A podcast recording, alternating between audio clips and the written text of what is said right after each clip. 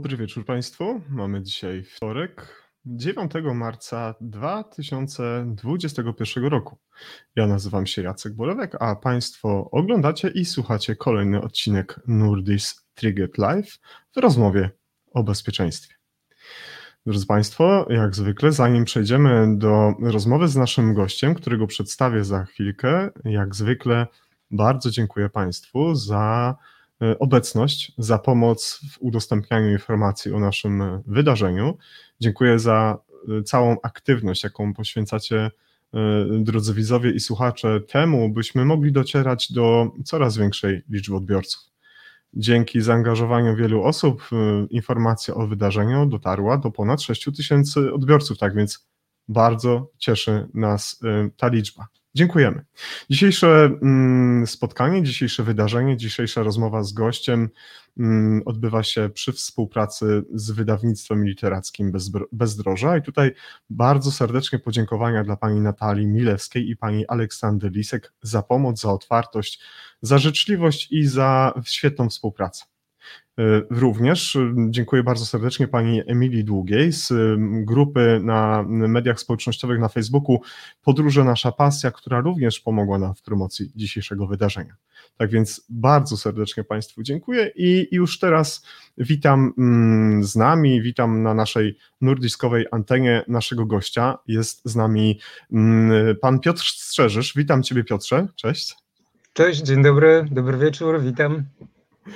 Mam nadzieję, że widzimy się dobrze, Piotrze, i słychać nas też y, całkiem nie. No, ja Ciebie bardzo dobrze widzę i bardzo dobrze słyszę. Chciałem Tobie, Piotrze, przede wszystkim bardzo podziękować, że przyjąłeś zaproszenie do bardzo nietypowej audycji, bo z tego co wiem, to jesteś taką rozchwytywaną osobą, jeśli chodzi o, mm, o dwa tematy. oczywiście o podróżowanie, ale też kwestie literackie. Mm, wydałeś już kilka książek, zwiedziłeś wiele, wiele krajów, a dzisiaj nagle patrz, jakaś rozmowa o bezpieczeństwie. Mam nadzieję, że, że podchodzisz do tego z, z również z dużą sympatią.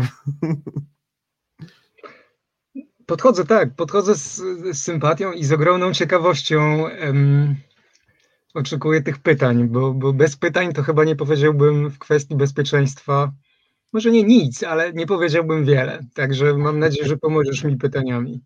Pomogę Tobie pytaniami, a przede wszystkim pomogą nam e, nasi widzowie i nasi słuchacze. Widzowie to ci, którzy oglądają teraz nasze wydarzenie. Pozdrawiamy Was wszystkich, drodzy Państwo. Jest z nami już e, przynajmniej kilkanaście, może kilkadziesiąt osób, które już nas ogląda.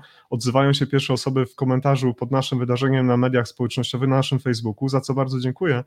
A oczywiście słuchają też nas słuchacze i użytkownicy platformy Spotify, bo Nordic to nie tylko e, obraz, nie tylko to, co można zobaczyć, ale też również nagrania w, po, w postaci podcastów. Tak więc dzisiaj będę zwracał się zarówno do Ciebie, Piotrze, do naszych widzów, ale oczywiście również naszych słuchaczy.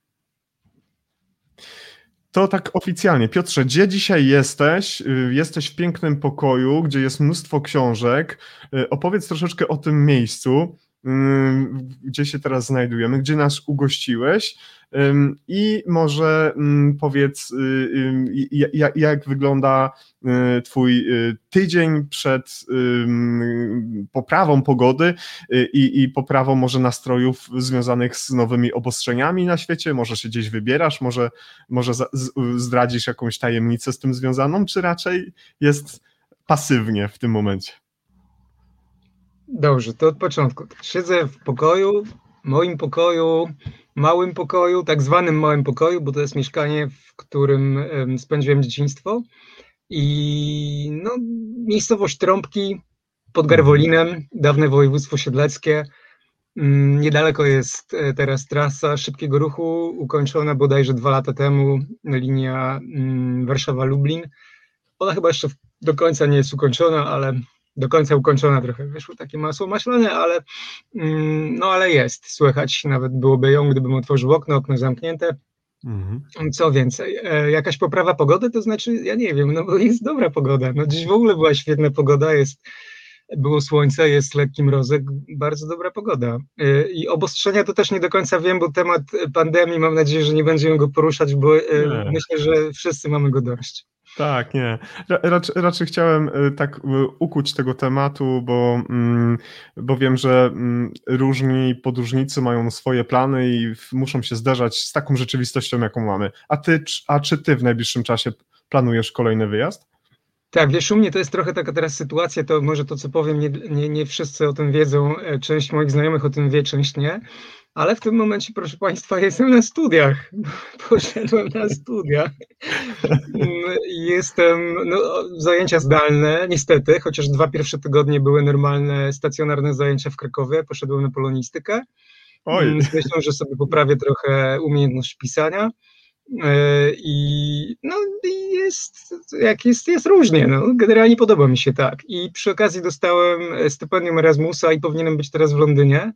E, mhm. I do tego Londynu najprawdopodobniej pojadę, tylko jeszcze nie wiem kiedy, czy to będzie za dwa tygodnie, czy za trzy, czy to będzie zaraz po świętach, ale myślę, że najpóźniej to będzie po, po, po świętach, czyli w połowie kwietnia. Od połowy kwietnia powinienem być w Londynie na jakieś 2-3 miesiące.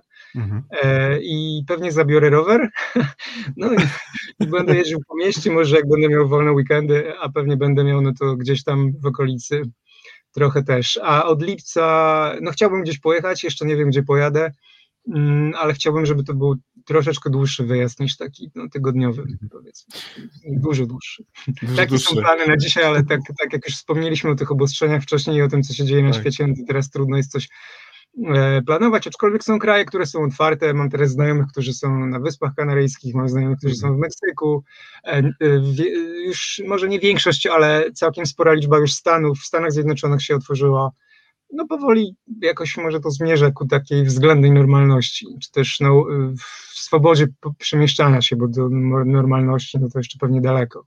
Bardzo, bardzo zgrabnie i bardzo fajnie przeniosłeś nam w, w, taki bardzo optymistyczny obszar tego czasu, w którym żeśmy się znaleźli, za co bardzo dziękuję.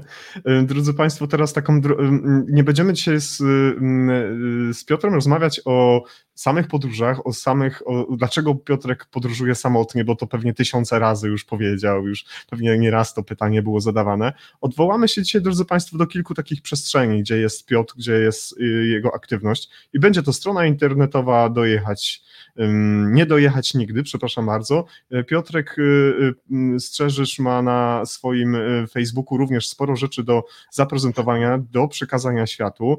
Jest również sporo o, o ostatniej książce mm, Piotra Strzeżysza, wydawnictwa właśnie Bezdroża.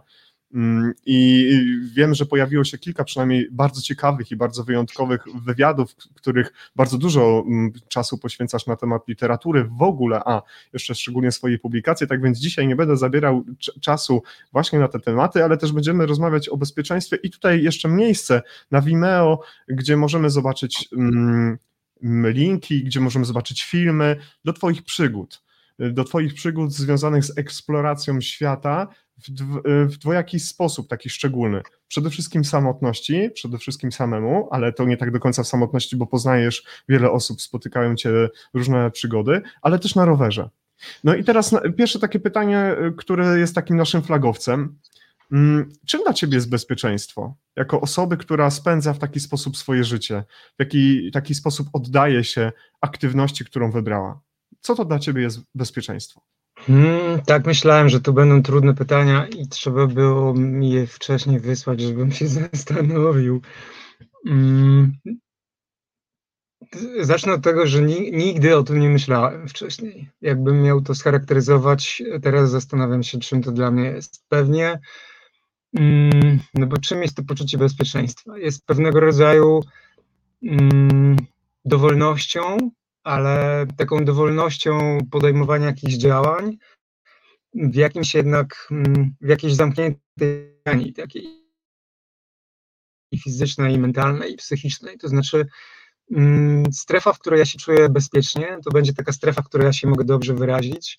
Strefa, po której będę bezpiecznie jechał rowerem, no to będzie taka strefa, co do której mm, będę miał dużo zaufania, względem której będę miał jakieś pewnie też ustalone normy zachowania.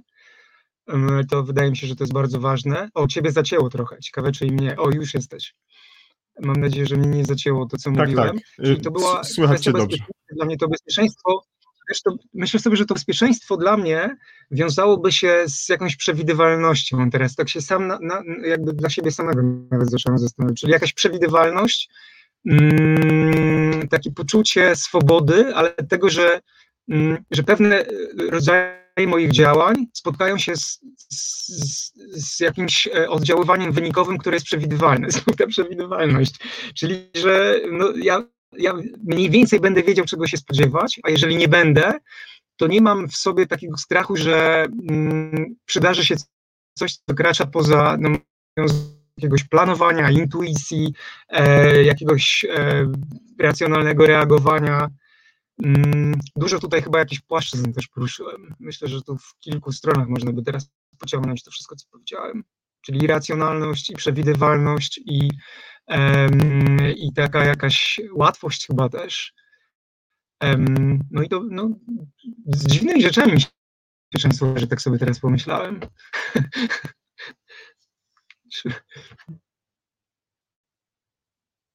Po, powiedz mi, czy kiedy Halo? planujesz. Tak, słyszymy się?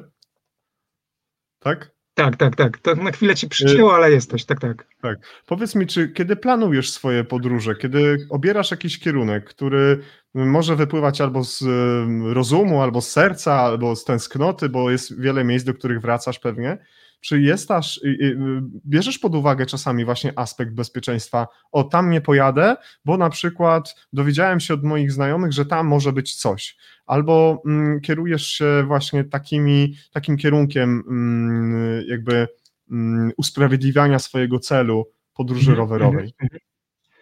Tak, to znaczy, do, świetne pytanie. E, mm, ja je trochę jakby rozwinę. To znaczy, jeżeli planuję o podróży jako całości, to nie.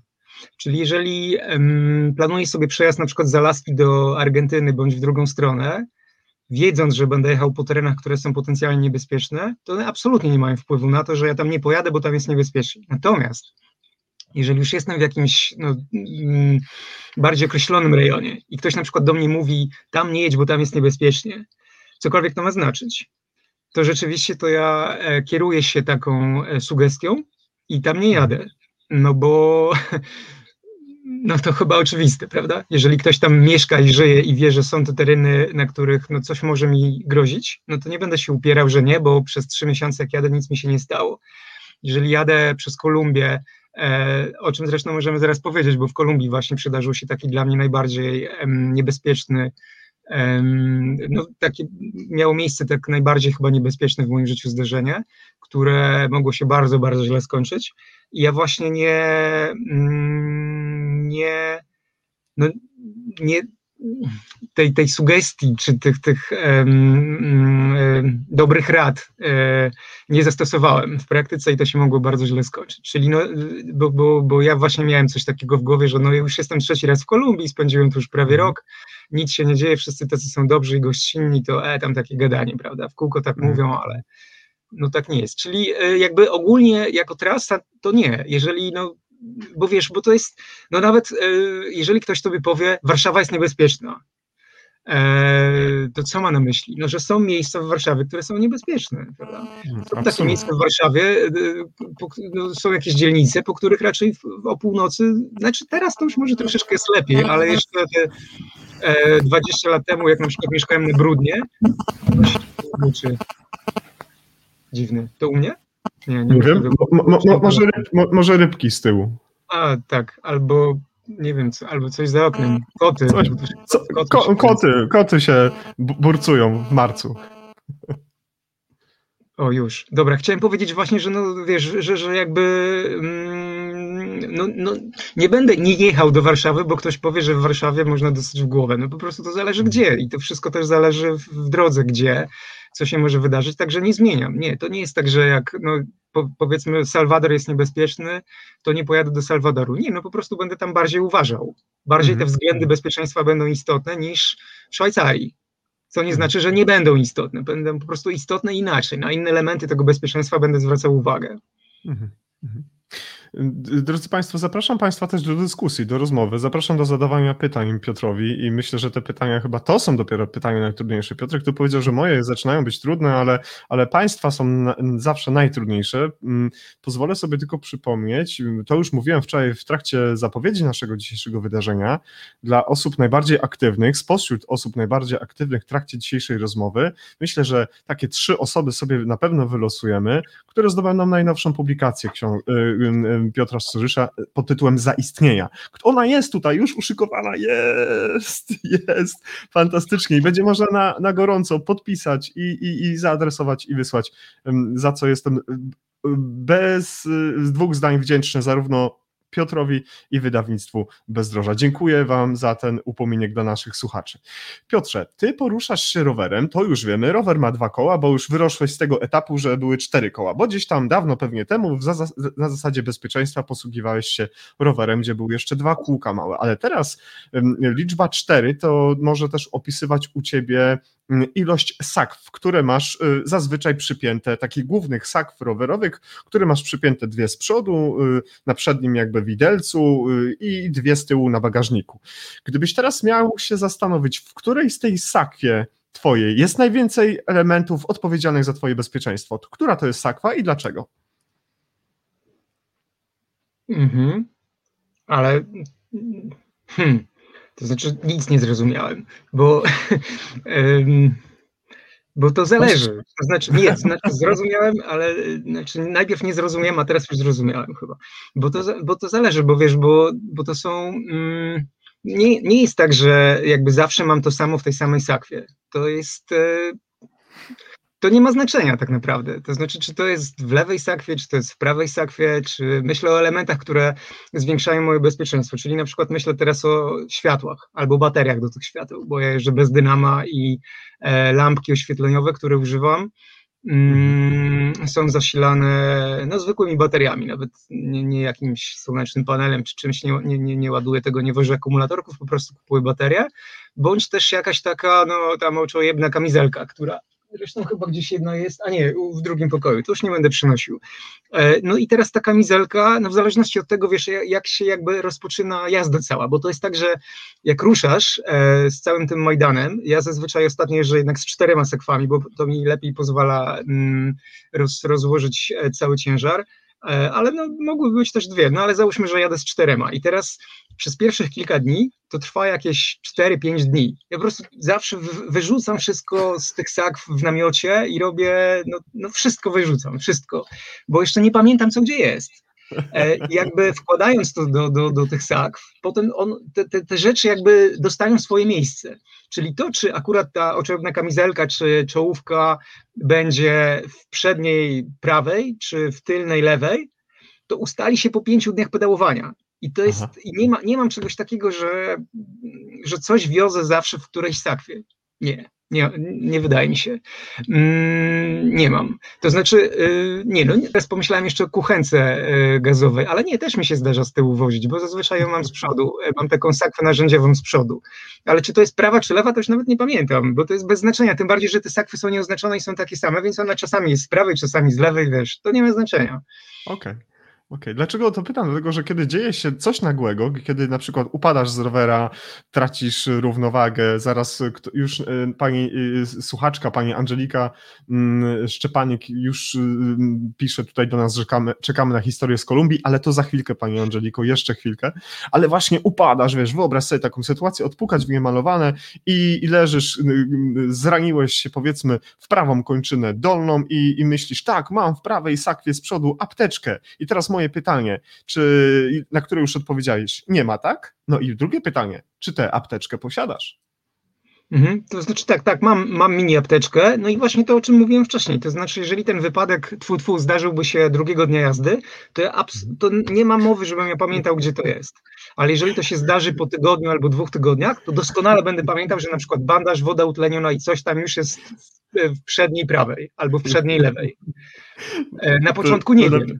To lepiej Ale nie potem mieć na początku wiem. wypadku. Nie, bo wiem, wiem do czego zmierzasz, to znaczy, że oczywiście, że lep...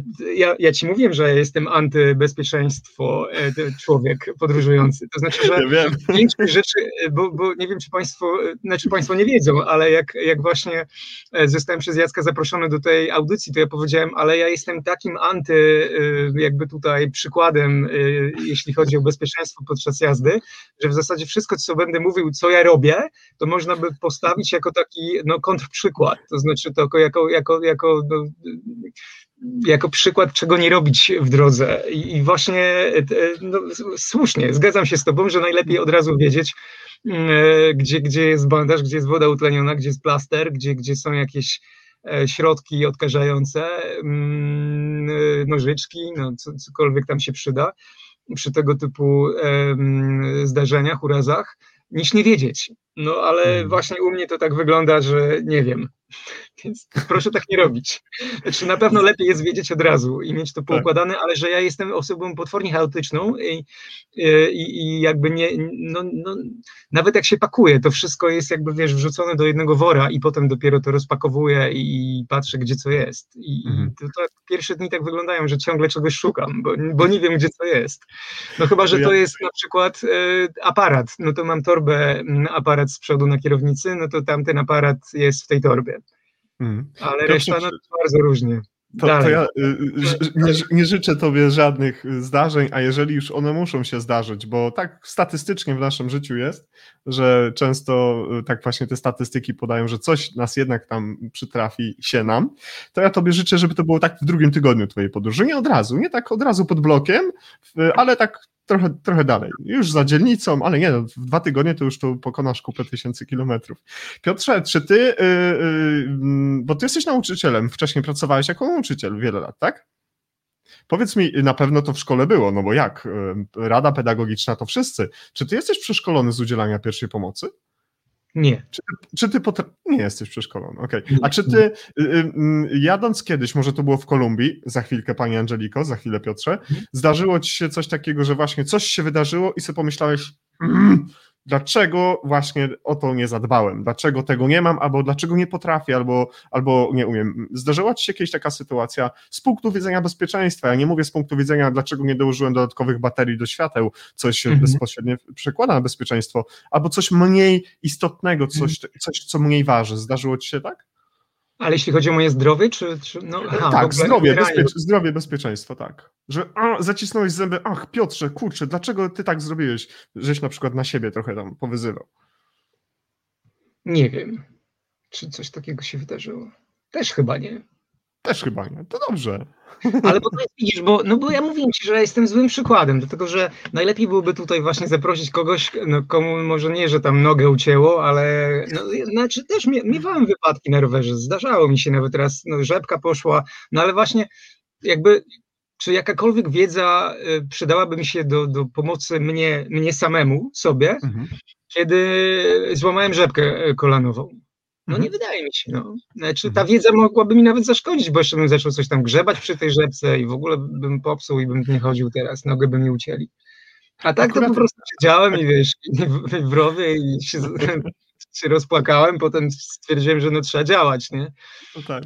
I, Akurat coś- jeśli chodzi o rzepkę i pierwszą pomoc, to rzeczywiście, rzeczywiście mogło być to skomplikowane, ale nie na uszkodzonej rzepce świat się kończy. Mówimy też o różnych zdarzeniach typu powiedzmy o masywny krwotok i, i inne rzeczy, inne rzeczy, ale to nie dzisiaj, bo to dzisiaj kurs pierwszej pomocy nie jest, e, ale zdarzenia inne związane właśnie z tym, czego na przykład między innymi nie robić w trakcie samotnych wypraw rowerowych. To gdybyś mógł mi podać jeden albo dwa albo trzy przykłady, którego, y, które potwierdzają tę regułę, bo sam powiedziałeś od razu na początek, Jacek, ja Mhm. nie jestem dobrym przykładem, czego na pewno nie robić w trakcie No tak, wypraw. zdarzało mi się na przykład jeździć nocą po ciemku kompletnie bez świateł, to znaczy jeździłem jak zombie.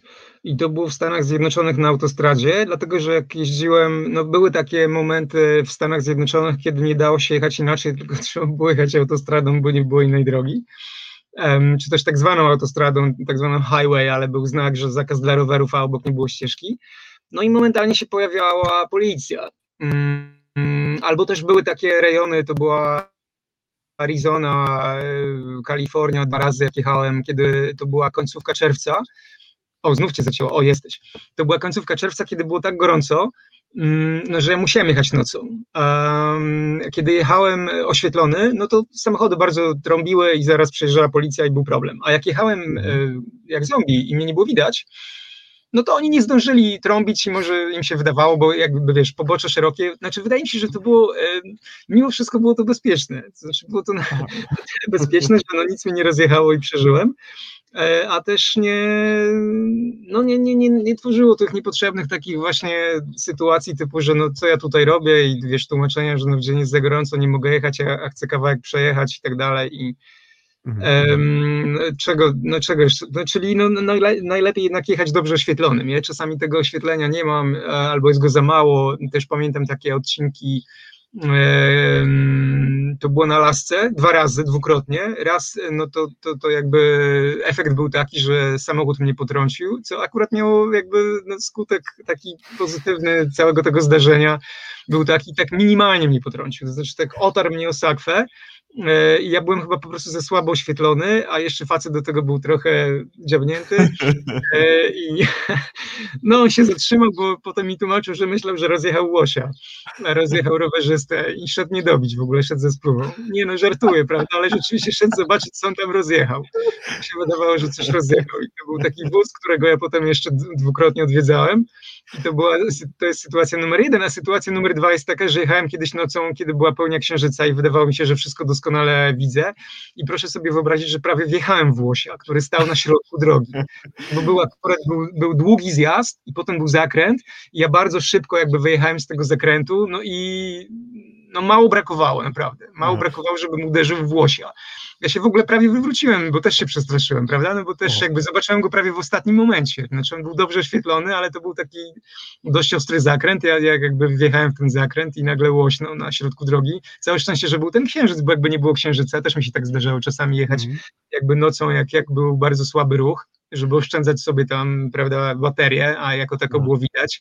Także no lepiej jednak światła mieć. Ja tak. uważam, że czy no, teraz myślę jeszcze o innych sytuacjach, takich kiedy jechałem bez światła i wpadłem w jakąś dziurę i się wywróciłem, no i też niby nic się nie stało, no ale e, dobrze jest być dobrze oświetlonym. Jakaś e, no, kamizelka, która jest odblaskowa, jakieś elementy odblaskowe przy rowerze, to się wszystko bardzo przydaje. Mhm. Też taka rzecz, która mm, czasami no, w miejscach, kiedy zdarzało mi się, kiedy byłem zmęczony, kiedy denerwowało mnie trąbienie kierowców, kiedy jechałem przez kraje, w których jest taka kultura trąbienia, typu Peru na przykład, w Peru bardzo trąbią na, na rowerzystów i to też nie dlatego, bo to jest jakaś zawali droga, aczkolwiek też je, z tego powodu mogą mhm. trąbić, ale też na zasadzie jakiegoś pozdrowienia. Indie, o przecież w Indiach to jest, są tak, nawet tak. znaki drogowe, prawda, w górach, tak. wysoko, teraz pamiętam taką drogę Manalile, tam są znaki, które, e, no, no, no, znaki ostrzegawcze, czy, czy znaki nakazu trąb, prawda, horn, no jest trąbka tak. i należy trąbić, to znaczy wszyscy mają obowiązek trąbić. Teraz niech sobie Państwo wyobrażą, że jedzie, że jedzie Mm, jakaś kolumna samochodów, jedzie na przykład no, 20 ciężarówek, 30 ciężarówek, albo jedzie jakiś transport wojskowy. E, który już robi hałas z samego faktu, że przejedzie obok. Wznie, wznieca ogromny tumany kurzu, bo droga jest szutrowa i jeszcze każdy trąbi. I to, to nie jest taki klakson no, cichy, to jest, to jest po prostu ogromne trąbienie. No i wtedy człowiek się denerwuje i robi głupie rzeczy, na przykład wyjedzie na środek, na środek drogi, myśląc, że jest świętą krową i o, oni się zatrzymają, ale nie, no właśnie oni czasami się e, nie mogą nawet zatrzymać, bo nie są w stanie, bo, bo, bo jedzie ciężarówka na dwudziestym biegu, czy tam którymś, kilkunastym e, i nie wyhamuje, bo ma słabe hamulce, bo nie zauważy, bo na przykład jedzie coś z naprzeciwka. Także e, no takie mm, takie, takie pokazywanie, kim to ja nie jestem tutaj, ja wam pokażę, bo ja mam pierwszeństwo, prawda? Takie, mm, to, to też nie jest dobre, a mi się zdarzało w życiu parę razy w ten sposób zachować na drodze, jako taka święta krowa. E, nie zachowujmy się na, na drodze jak święte krowy, no nie jesteśmy święte. Indie. Bardzo źle skończyć. Wiesz, no jeszcze, y, no dobrze, to może na razie zakończę, bo pewnie są pytania do jakichś Tak, przykładów. tak, za, za, zaraz odniosę, odniosę się do tego. Ja mam jedno techniczne pytanie. Odnośnie spotkania z Łosiem, to Michał Czerwiński napisał y, taki komentarz, że to się dopiero nazywa test Łosia. O, test Łosia, Ale- no tak. Tak. A pamiętasz może, w którą, którą część Łosia zauważyłeś w ostatnim momencie? Nie no, on tak stał właśnie w poprzek, to znaczy on A, nie stał czyli- rogami do mnie, on Okej. stał, on przychodził jakby z jednej strony drogi na drugą Okej. i tak Czyli w ten stał, sposób. Tak, do mnie, no, stał w poprzek drogi, tak Okej, A nie, a, a, a nie tam powiedzmy z, zadem, Nie, nie. ani tak dalej. Tutaj. Nie, nie, nie, nie. No, Ale za, Ja- za, ja- za, w jakąkolwiek stronę łosia bym uderzył, to myślę, że to nie skończyłoby się dobrze. No. A odnośnie taki mój komentarz mi się nasunął na myśl, że ten pan, który się zatrzymał, wyciągnął broń z myślą taką, żeby d- dobić się, bo myślał, że to może łoś. Zapewniam ciebie, ja osobiście i Magda Szczepańska, która dzisiaj z nami, która jest miłośniczką północy i wie, wie, wie, wielką pewnie idolką też mm, łosi, że nie wyglądasz jak łoś, absolutnie wyglądasz zupełnie inaczej jak łoś i myślę, że, znaczy jestem przekonany, że gdyby ten pan podszedł blisko y, i poświeciłby latarką, to spostrzegłby się, że ma do czynienia z człowiekiem mm, dwunożnym, y, a nie z łosiem. Oczywiście. Przepraszam, że się śmieję, ale to zabawna historia jest. Pytanie jest ym, odnośnie Kolumbii, to za chwilkę, bo tu mamy taki ym, jakby odrębną, odrębną część y, rozmowy na to, na ten temat i chciałem zapytać odnośnie ubezpieczenia, bo ktoś tu zapytał o ubezpieczenie. Czy ta-. Czy takie, czy takie, ja znajdę osobę, która o to zapytała i prosiłbym Cię, żebyś odpowiedział troszeczkę, opowiedział troszeczkę więcej na ten temat, a odnośnie innych rzeczy, czego nie robić, będziemy kontynuować po pytaniach od naszych widzów. Tak, tak, to jest, to jest właśnie, to, to jest świetny antyprzykład, bo ja się nie ubezpieczam. Okej. To znaczy, to, czyli nie doradzę w kwestii ubezpieczenia, bo ja się nie ubezpieczam. Jest pytanie, tak, czy wykupuje Pan ubezpieczenie na swoje podróże? Nie. Mhm. Aczkolwiek zdarzały mi się takie wyjazdy, gdzie kupowałem, ale na dłuższe nie kupowałem. Tak, na jakieś Mhm. krótsze czasami tak, ale A czy to jest jakiś, jest jakiś powód? Mógłbyś to jakoś w, e, e, podać jakieś argumenty, dla których te, to, to robisz, albo dla których tego nie robisz? no to, to nie też. Aha, Wydaje mi się, że jakby, wiesz, no jak się, jak się zdarzy coś, coś, coś błahego, typu, to, to, no nie wiem co, zachoruję no, na, na, na grypę. Jak jechałem przez Kolumbię pierwszy raz, no to miałem problemy z zatokami. No to po prostu no, idę do lekarza, płacę jakieś śmieszne pieniądze, kupuję za śmieszne pieniądze pigułki mm, i za całkiem niewielkie pieniądze gdzieś e, siedzę i odpoczywam. Albo tak jak mi się w Kolumbii przydarzyło, dostałem prawie na miesiąc pusty dom do, do zamieszkania ze Frico, mm, co akurat no, mm, no tak, tak się zdarzyło, no jakby go nie było, no to bym sobie radził w inny sposób. Natomiast jakby się stało coś super poważnego, no to bym, no to bym pewnie się zwijał z powrotem do Polski, a jakby się stało super, super poważnego i sam nie byłbym w stanie, no to no to, no to proszę sobie dokończyć, tak? Trzy kropek, no. Mhm. Pytanie jest teraz kolejne od pana Dariusza Mirosławskiego, którego bardzo serdecznie pozdrawiam i pan Dariusz zadał takie pytanie. Hej, pytanie do Piotra. Jak wybierasz miejsca pod namiot w krajach jak na przykład Meksyk, Kolumbia, aby obudzić się rano wśród żywych? Masz jakieś zasady? I tu znak zapytania. Panie Dariuszu, bardzo serdecznie za to pytanie dziękujemy. Tak, bardzo dobre pytanie. Znaczy ja kiedyś rzeczywiście, jak jeszcze 20 lat temu, jak jeździłem po świecie, czy tam 30, to o wiele mniej uważałem niż teraz. To znaczy z każdym jakby no, tym rokiem, im, im jestem starszy, tym bardziej e, mam w sobie większe takie to poczucie mm, zagrożenia, o tak bym to nazwał. Nie bezpieczeństwa, tylko tego zagrożenia. Znaczy to nie, to nie wynika ze strachu, tylko ra, raczej może z, z jakiegoś em, faktu tego, że no jak mi się coś stanie, no to, to już nie ja będę miał problem, tylko ktoś, kto gdzieś tam zostaje, prawda? I o mnie myśli, bliscy mam na, na myśli tutaj. Więc bardziej myślę o, o innych niż o sobie tutaj w tym wypadku, ale teraz no, konkretnie. E, to znaczy, no nie wyobrażam, to znaczy wyobrażam sobie, ale staram się raczej tego nie robić w miejscach typu właśnie Meksyk i Kolumbia, nocować kompletnie na dziko. To Mhm. oczywiście nie jest, to jest do zrobienia, no bo jak ja jadę przez jakiś teren, który jest e, rzadko zaludniony i tam prawie nikogo nie ma, no to mogę ten namiot w zasadzie rozbić gdziekolwiek z myślą, że no rano się obudzę. No ale różnie bywa, prawda? Nie wiem, czy ktoś mnie nie, nie widział, czy ktoś akurat nocą nie będzie przechodził, nie będzie przejeżdżał e, i staram się tego nie robić. Czyli naprawdę, no na może no ile byłem, rok w Kolumbii, tak prawie, no to miałem przynajmniej 100 noclegów na dziko w namiocie, może 200 nawet. No to na te 100 czy 200 noclegów podejrzewam miałem maksymalnie dwa, myślę teraz o jednym, ale może był jeszcze gdzieś drugi, o którym zapomniałem, czyli maksymalnie dwa noclegi takie, e, że było to miejsce niebezpieczne, bo ja nie wiedziałem, czy ktoś może przyjść. Czyli co ja robię? No zazwyczaj po prostu pytam ludzi, to znaczy jadę, jadę do ludzi, jadę do ludzi i się pytam, czy mogę tutaj rozłożyć namiot. Jeżeli to e, jest miejsce niebezpieczne, to, to od razu mi ktoś to powie. Czyli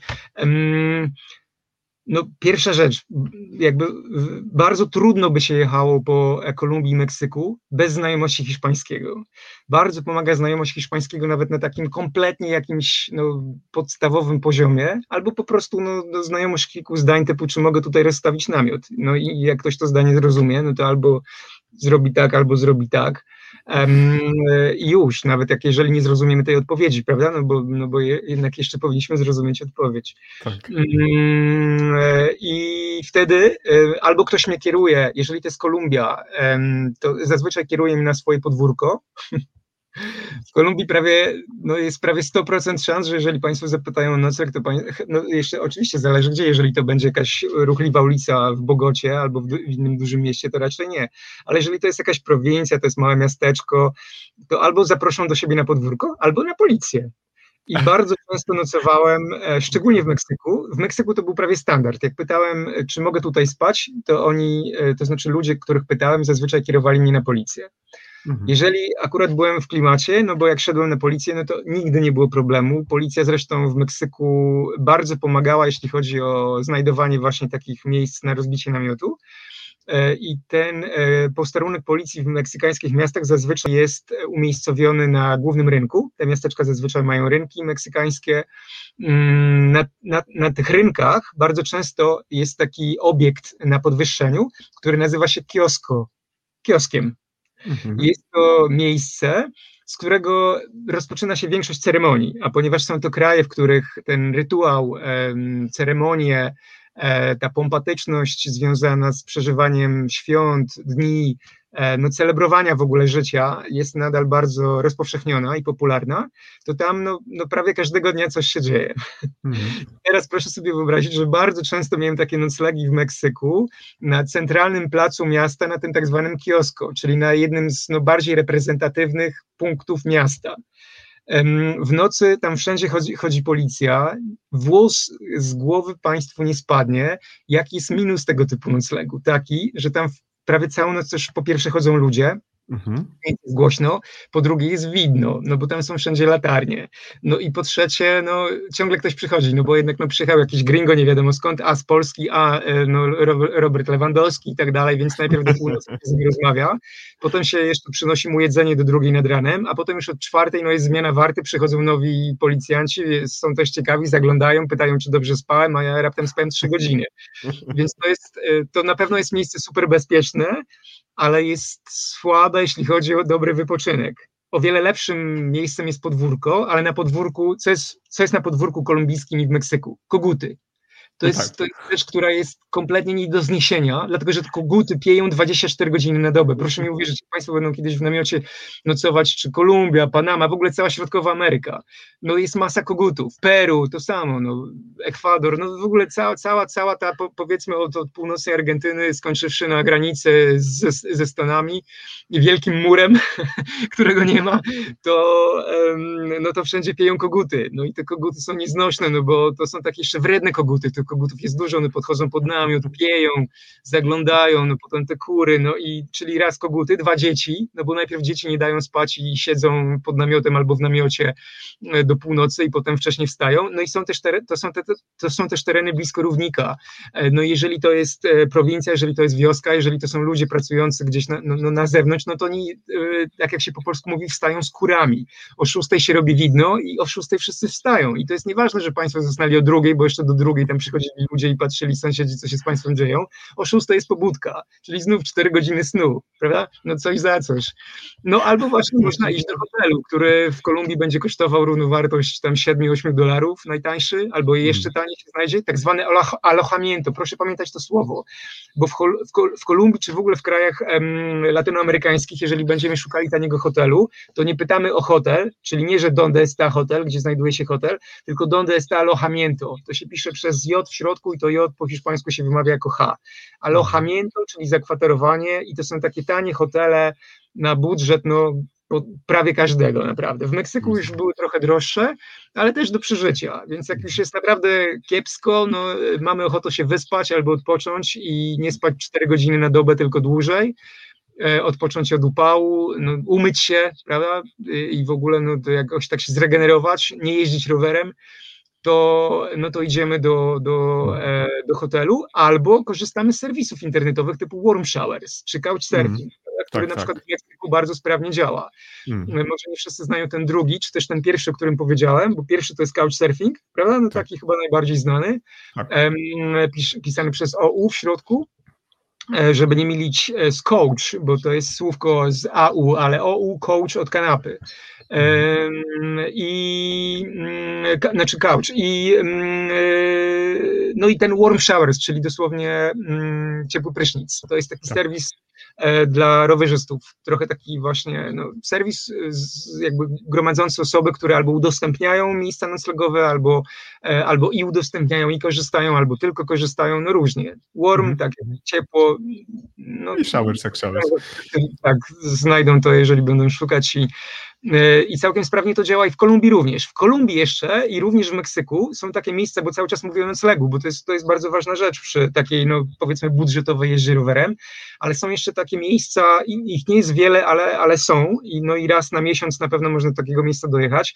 Nazywane są Casa de Ciclistas, czyli dom cyklistów. I to tak. są miejsca zazwyczaj otwierane przez osoby w jakiś sposób związane albo z ruchem rowerowym, na przykład myślę o takiej Casa de Ciclistas w Guadalajara. Ona jest tam otworzona przy w ogóle takiej całej społeczności em, rowerowej miasta. To jest bardzo duże miasto, to jest miasto, które ma kilka milionów mieszkańców. Tam jakby jeszcze zebrać przedmieścia, no to wyjdzie, no to, to jest ogromne miasto, naprawdę. I tam jest ta społeczność w ogóle rowerowa, w ogóle w Meksyku bardzo dużo osób rowerem jeździ. I to nie jest tak, że tam tylko biegają, prawda, i odcinają głowy i strzelają do ludzi. Nie, nie, nie, nie. Tam ludzie normalnie żyją, a ci, co żyją nienormalnie, też są, ale nie w takim, jakby nie, nie, nie, nie jest ich aż tak wielu, jak mogłoby się wydawać. E, co nie znaczy oczywiście, że Meksyk to kraj bezpieczny, prawda? E, ale to wszystko zależy, co robimy, jak się zachowujemy, gdzie będziemy, no, w jaki sposób podchodzimy do tej kwestii własnego mhm. bezpieczeństwa. Więc no, są opcje, ale jeśli chodzi o dzikie noclegi, to ja staram się ich unikać one czasami się zdarzają, no i wtedy śpię z sercem na dłoni, prawda, no czy, czy tam do rana ktoś mnie znajdzie, ktoś mnie nie znajdzie, e, ale raczej staram się takich miejsc unikać. No, mhm to, to są też kraje, w których ludzie są generalnie bardzo gościnni i ta policja naprawdę pomaga. Jeżeli jest jakiś gringo, no i widać, że jeszcze jak powiemy, że no, nie stać nas na hotel, bo jest za drogi, albo mamy ochotę spać w hotelu, znaczy w namiocie, no bo, bo dziś mamy akurat ochotę spać w namiocie i zaoszczędzić mhm. trochę gotówki na, na, na jedzenie, żebyśmy jutro lepiej zjedli, no to oni zawsze pomogą, naprawdę. O, w ostateczności umieszczą nas e, w pomieszczeniu, w którym sami siedzą, co jest najgorszą opcją, prawda, bo oni całą noc oglądają i to zazwyczaj jest albo sport, albo jakieś seriale, które no, polegają na strzelaniu i na strzelaniu do wszystkiego, co się rusza. I jest bardzo głośno, bo oni lubią, żeby było głośno i wtedy absolutnie w ogóle nie ma mowy o spaniu, to jest wtedy masakra, tak. no ale no co zrobić, prawda, ale jest bezpiecznie na, w tych linkach, które ja podawałem na początku i teraz też przewijały się one w trakcie nasze, twojej wypowiedzi, bardzo barwnej, kolorowej i, i aż normalnie oczy się jeszcze szerzej otwierają w momencie, kiedy opowiadasz, to wklejałem linki, gdzie można znaleźć te informacje odnośnie tych, tych sposobów znajdowania tanich noclegów, no i bezpiecznych przede wszystkim, drodzy Państwo, bo o to chodzi. Odnośnie tych kogutów, to na jednym z filmów właśnie, który jest na Vimeo, właśnie opowiadałeś, że pamiętam było nagranie, obudziłeś się, była chyba druga 30 i coś się kogutom jednak porobiło, bo one od normalnie o piątej powinny, powinny lecieć y, z pobudką, a była druga 30, pamiętam, i byłeś y, zniesmaczony, bo rzeczywiście opowiadałeś w trakcie nagrania, że no przed chwilką, żeś zasnął, a tu nagle okazało się, że lecą chłopaki, kto głośniej. Tak, tak, to chyba chodziło chyba o Kambodżę wtedy. Kambodża albo Laos, to mógł być materiał albo z Laosu, Mo, albo z moż, mo, mo, możliwe, możliwe. Azja Południowo-Wschodnia to jest kolejna to taka mekka kogucia i tam, tam jest chyba nawet jeszcze więcej niż w Peru. Tak. Także to są takie, no wiesz, upierdliwości i no, nocowanie na dziko w namiocie, no coś za coś. Znaczy, no można się do tego przyzwyczaić, no ale no rzeczywiście no budzą, no to jest tak jakby ktoś, wiesz, ci trąbką nad, nad duchem yy, no, zatrąbił w nocy. No. Tak. To tak jak z tymi znakami w Indiach, y, horn. To dobrze, że wiemy, że to chodzi o znak y, y, typu trąbienie, a nie przylądek horn. Gdzie India, gdzie przylądek horn. Pytanie od naszego widza, Michał Czerwiński, to jest nasz załogant na naszym nordiskowym pokładzie i Michał to jest człowiek, który zajmuje się, drogi Piotrze, bezpieczeństwem zarówno z punktu widzenia ratownictwa medycznego, ale też bezpieczeństwa takiego i terrorystycznego, i zarządzania kryzysowego i w ogóle, więc przepraszam cię, Michał, y, że to upowiem, Michał ma hopla na punkcie bezpieczeństwa, takiego dobrego hopla. No i mhm. Michał zadaje tobie teraz takie pytanie, czy masz swój backup, y, plan, żeby w przypadku braku bezpośredniego kontaktu z tobą, znajomi, rodzina, te osoby, które powinny być powiadomione, wiedzieli, że wszystko jest ok? Mhm, nie mam. No, nie, y, nie, wiem, co mam dodać. No, znaczy, nie mam nawet takiego planu up a, znaczy y, straight up plan, znaczy w ogóle nie mam planu, no jakby jadę generalnie bez planu dość, więc jakby no i nie mam backup planu, no. Mhm. Pewnie to też jest źle, tak, no mówiłem, że antyprzykład. No nie mam, no. Co mam, co, co mam dodać? No nie mam. No, znaczy, wstyd mi, no, wstyd mi, nie mam.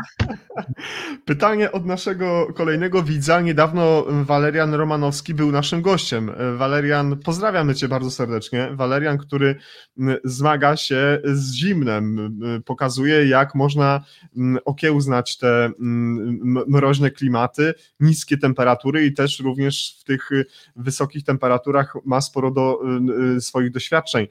Tutaj Walerian zadaje tobie pytanie mm, takie. Odwiedziłeś Rosję? Jeżeli tak, to gdzie byłeś najdalej na wschód, jeśli chodzi o ten mhm. kraj? Tak, tak, bo ja rozumiem, że ta pierwsza część tego zdania też jest pytaniem, bo ja nie odwiedzałem Rosji. To znaczy byłem w okay. Rosji, ale nie, nie rowerem.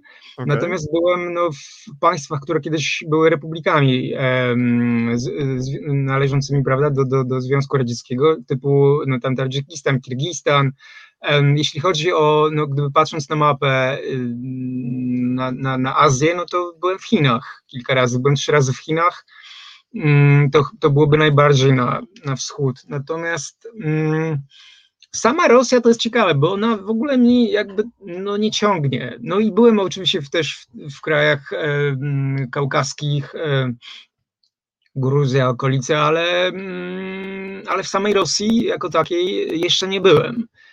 Mm, I też trudno mi powiedzieć dlaczego. Nie wiem, jak tak wyszło. Może będę jeszcze.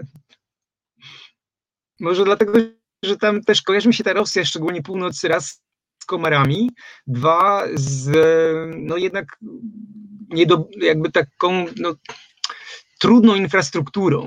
E, ja mhm. nawet kiedyś się zastanawiałem nad tym, żeby może, ale to, to, to było wszystko w ramach takiego gdybania, że może kiedyś bym się wybrał do Rosji Mm, z packraftem. To, to mi przyszło do głowy w ten, to, to są takie lekkie bardzo pontony, y, z, z których, których miałem okazję spróbować, jak się na tym jeździć z rowerem w wakacje, te ostatnie w lipcu. Nawet mi przyszło do głowy, że może kiedyś dałoby się to w jakiś sposób połączyć, to znaczy, wziąć rower i tam, gdzie nie będzie drogi, gdzie się skończy droga, kawałek przejść, potem przepłynąć um, rzekę, tylko no to by, nie wiem, czy mam siłę teraz na to. Jakbym był dwa, 20 lat młodszy i bym dostał takiego packrafta, to, to by mnie kręciło nieprawdopodobnie, a teraz to już nie wiem, czy mi się chce tak zażynać, no bo to by była, to by była już taka chyba nie wycieczka nawet, a taka nawet prawie wyprawa. To powiedz y, widzom i słuchaczom, którzy nie znają twojej historii, od ilu lat już podróżujesz? No wiesz, to, to trudno powiedzieć, bo tak jakby te moje takie najbardziej e, jakieś ambitne wyjazdy, te takie najbardziej ambitne wycieczki, podróże, jakie zwał, tak zwał, to one się rozpoczęły tak jak myślę o nich, to wydaje mi się, że, że początek to był rok 2004, jak ja poleciałem do Indii. Bo nawet ta Islandia, byłem wcześniej jeszcze trzy razy na Islandii i nawet ta Islandia to, to w porównaniu z tym, co było później, wydaje mi się taka śmiesznie łatwa. Znaczy nie było łatwo, ale od tej strony fizycznej takiej, nie? Od strony walki z żywiołem, od strony no walki jednak, no. No bo wiesz, no jak tak wieje, yy, kiedy, kiedy, no ty zresztą mieszkasz w Norwegii, no to wiesz, że w Norwegii też potrafi wiać, bo też e, pamiętam wiatry na północy Norwegii, kiedy jechałem, to był rok 2001, kiedy jechałem na Nordkap i mhm. tam na Mageroju też tak wiało już przed samą tą, ba, tą, tą, tą, tym punktem docelowym, tym przylądkiem, no to tak wiało, że prawie po prostu zwalało, dosłownie kładło rower, no był, była, był tak potwornie silny wiatr. No i wiesz, no je, jechać pod taki wiatr, kiedy, no, kiedy wieje kiedy wiatr wieje z prędkością nawet 80 na godzinę, już nie mówię, że tam 120, 130, a w podmuchach 150, nie? ale nawet no jak, jak 60 nawet wieje na godzinę, no to, to już jest bardzo ciężko się jedzie pod taki wiatr, no jedzie się to prawie tak jakby się stało, nie? Jedzie się tak jak się idzie, już lepiej jest siąść z roweru i pchać ten rower pod wiatr. E, no a no ja jednak liczę ten pierwszy wyjazd do Indii, czyli no to był rok 2004, tak, czyli 6, 16, 17 lat, no to powiedzmy od tych 17, przez te ostatnie 17 lat nie było takich wakacji, żebym chyba gdzieś nie pojechał, no taki bardziej ambitny wyjazd, no czyli no tak te 17 lat, natomiast w ogóle rower jako, jako, jako środek transportu, jako e, element, który mi pomagał w fizycznym przemieszczaniu się, nawet jeśli chodzi o takie krótsze podróże po Europie czy po Polsce, no to mogę powiedzieć, że mi od zawsze towarzyszy. To znaczy ja mam czasami takie wrażenie, że się już urodziłem się z tym rowerem w głowie, naprawdę, bo ja w ogóle nie pamiętam innych wspomnień wcześniejszych niż już takich, że jak byłem na rowerze. Nie mam takich wspomnień, że nie, nie, jeszcze nie umiem jeździć na rowerze. To znaczy zawsze umiałem jeździć na rowerze, a przecież no, musiał być taki okres, kiedy nie jeździłem, prawda? Ale mam te najwcześniejsze moje wspomnienia w głowie, to są już od razu takie, że, że ja jeżdżę rowerem wszędzie. Bardzo dużo dużo jeździłem, jak, jakby to każda wolna chwila prawie, dosłownie. Mhm. I, i, to, I to mi zostało. To znaczy, nie zostało mi w takiej intensywności, intensywność się o wiele zmniejszyła, no chyba, że jestem w drodze, no to wtedy wiadomo, pedałuję od rana do wieczora. Ale no, teraz siedząc w trąbkach, no, no, no dziś jeszcze nie jeździłem, prawda? Dziś już nie pojeżdżę, bo dziś dla odmiany pójdę się przebiec albo pójdę na spacer, ale ale no, nadal mi to sprawia ogromną frajdę, to znaczy nadal bardzo lubię, nie, w ogóle nie opuściła mnie ta radość z jechania rowerem, bardzo, bardzo mhm. jest to dla mnie takie od, odstresowujące, jest, jest, jest to po prostu bardzo przyjemne, to jest takie naturalne też bardzo, to jest tak jak no, gdzieś jadę, no to wiadomo, że wezmę rower, no bo to jest takie naturalne bardzo dla mnie i to się nie zmieniło i to jest bardzo, bardzo dobre chyba, nie, podoba mi się to. Powiedz Więc, mi, kiedyś... Wra... pytanie, a ja przez 5 minut mówiłem, e, zamiast powiedzieć 17. Masakra. Tak, ale ja, wiesz co, przygotowując się do rozmowy z tobą, przejrzałem przynajmniej e, kilka, jak nie kilkanaście różnych wypowiedzi, różnych no, wywiadów. Tak. I, I, ja wiedziałem, że będzie kolorowo, ja wiedziałem, że będzie właśnie w ten sposób i dobrze. Nuri Striget Live to spotkania z bardzo oryginalnymi, wyjątkowymi osobami. Jeszcze raz bardzo tobie dziękuję, że, że poświęciłeś swój czas dzisiaj, bo wiem, że wczoraj też miałeś pewien live i była rozmowa i dzisiaj znowu. godziny. Trzy godziny, to ja cię dzisiaj chyba tak długo trzymać nie będę, chyba że słuchacze zdecydują. Tak, trochę krócej. Odnośnie tego, wiesz co, y, od kiedy zacząłem zgłębiać historię twoich przygód, to tak mi się bardzo kojarzysz y, i chciałbym, żebyś to potraktował jako komplement. Bardzo mi się kojarzysz y, z Henrykiem Sytnerem z radiowej, byłej radiowej trójki, gdzie pan Henryk Sytner i rower, i narty, i taniec. Heniu Sytner zawsze na antenie wzbudzał nas, słuchaczach, taką ciekawość świata, bo wakacje na dwóch kółkach i ten dzwonek i to wszystko, co opowiadał opowiadał, kiedy jeździło się właśnie po bezdrożach Madery, czy po, czy po jakimś tam zakamarkach y, y, innych europejskich krajów, gdzie właśnie w tym momencie mm, y, ci słuchacze, mm, laureaci konkursu na dwóch kółkach właśnie pojechali z Henrykiem Sytnerem, żeby sobie tam jeździć. Tak więc tak kojarzysz mi się właśnie z tą postacią i mam ja nadzieję, że Byłeś, dokładnie tak, bo ja też y, od tego się też zacząłem. Właśnie trochę czekałem o tym, sam powiesz, ale no dobrze. Cieszę się bardzo, bo byłeś laureatem konkursu na dwóch kółkach. Oj, tak, dawno temu, 92 rok. Tak, w 92 roku, dokładnie hmm. tak. I, I, przesłałeś, przesłałeś swoją opis y, z wycieczki rowerowej, zostało to y, przez, między innymi przez Henryka przyjęte z dużą aprobatą i zostałeś przyjęty do pojeżdżenia. Czy to była Hiszpania, dobrze pamiętam? Tak, tak, dobrze pamiętam. Y, nasz słuchacz, y, nasz widz, y, Daniel Stasik, którego bardzo serdecznie witam, panie Danielu, zadał pytanie, czy były niebezpieczne, niefrasobliwe historie związane z gafami, różnicami kulturowymi w trakcie twoich wypraw mhm. rowerowych? Tak, tak, to od razu myślę o kilku. Um, powiem o jednej, bo, bo, będę gadał znów pół godziny. Um, o jednej tylko takiej powiem gafie. To był Sudan. To był Sudan Północny, to znaczy tereny obecnego Sudanu Północnego, bo to był jeszcze rok, kiedy to było na dwa lata przed podział, podziałem Sudanu na, na dwa kraje. Teraz mamy Sudan Północny i Południowy, jeszcze, bo tam też się rzeczy różne dzieją i kto wie, co będzie. Um, I um, fotografowałem kobiety i to się bardzo źle skończyło. To znaczy, wiedząc, że nie powinienem, ale one, jakby to powiedzieć, e, skusiły, skusiły mnie. Znaczy, one nie dość, że od, od, jakby odkryły twarz, co już e, no, powinno mnie zniechęcić do, do, do tego, bo widziałem, jaka jest reakcja stojących obok mężczyzn, no to jeszcze to robiły takie ruchy, a ja miałem jakby na, na, na szyi przed sobą e, aparat z taką no, długą lufą. E, no i zacząłem pstrykać. No i podbiegło do mnie kilku mężczyzn, jeden mnie e, no, pchnął, e, no i za moment pojawiła się policja, czy też jakaś służba tajna, nie wiem, no to był duży biały jeep, zostałem przewieziony na posterunek, tam proszę sobie wyobrazić, pan, wprowadzono mnie do pokoju, najpierw mnie trzymali w jakimś takim dziwnym korytarzu, a potem wprowadzili mnie do mm, pokoju, w który, nie wiem to opisać, taki gabinet Mm, pusty, na końcu którego stało biurko. E, za biurkiem siedział taki umundurowany mężczyzna, przed biurkiem był, e, było krzesło. Kazano mi usiąść na tym krześle, usiadłem na tym krześle i, a, bo wcześniej zabrano mi aparat oczywiście. No i ten, powiedzmy oficer, tak jak ja go w myśli nazwałem, przeglądał zdjęcia, które tam miałem.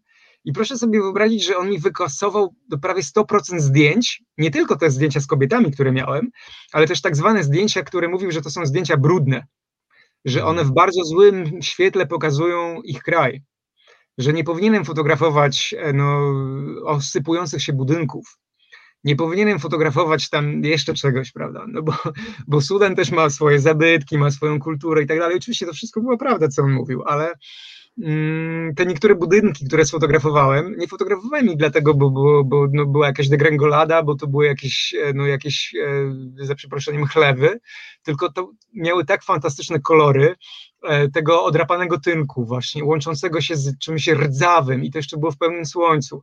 No w każdym razie mm, skasował mi te wszystkie zdjęcia, spryciarz, tylko nie wiedział, że potem no, da się te wszystkie zdjęcia odzyskać, więc ja potem te wszystkie zdjęcia po powrocie do Polski odzyskałem, bo tylko nie trzeba napisać karty, a chyba są nawet jakieś programy, które umożliwiają nawet z takiej napisanej karty te zdjęcia odzyskać, ale proszę Państwa, do czego ja zmierzam? Że niczego mnie to nie nauczyło. Sytuacja się powtórzy, powtórzyła kilka dni później, tylko że z kolegą, który, bo byliśmy akurat wtedy, byliśmy w takiej mini grupie, było nas czworo, czterech, no, było czterech chłopców. I e, chodziłem z takim moim kolegą, e, pozdrawiam, nie sądzę, żeby nas słuchał dzisiaj, ale różnie bywa, Grzegorz Król z Rzeszowa. Pozdrawiamy e, Grzegorza Króla. Grzegorz Król, tak. Przepraszam Grześ, jeżeli nie chciałeś być jakby tutaj e, wspomniany z nazwiska, ale myślę, że nie masz nic przeciwko. E, I pozdrawiam wszystkich, którzy znają też ciebie. No w ogóle wszystkich pozdrawiam. No. I proszę sobie wyobrazić, że byliśmy na bazarze takim, na takim bazarku takim, no to było, bodajże to było w Dongoli, ta druga akcja, albo w Karimie, nie, już nieważne gdzie to było, no. E, I była bardzo podobna sytuacja, tylko że właśnie nie fotografowaliśmy kobiet, tylko w ogóle, no w ogóle fotografowaliśmy tam ten, ten bazar. I te mhm. kobiety rzeczywiście, one były gdzieś tam w tle, ale sytuacja była bardzo podobna. To znaczy zrobiło się zamieszanie, podbiegli do nas ludzie. Wyglądało to tak, jakby były takie jakby dwa, dwa, dwie frakcje. Jedna, która tam chciała nas zaciukać i druga, która no, nas broniła. No je, je, było kilku mężczyzn, którzy się bardzo agresywnie w stosunku do nas zaczęli zachowywać tak słownie. Widać było, że jest w nich jakaś agresja.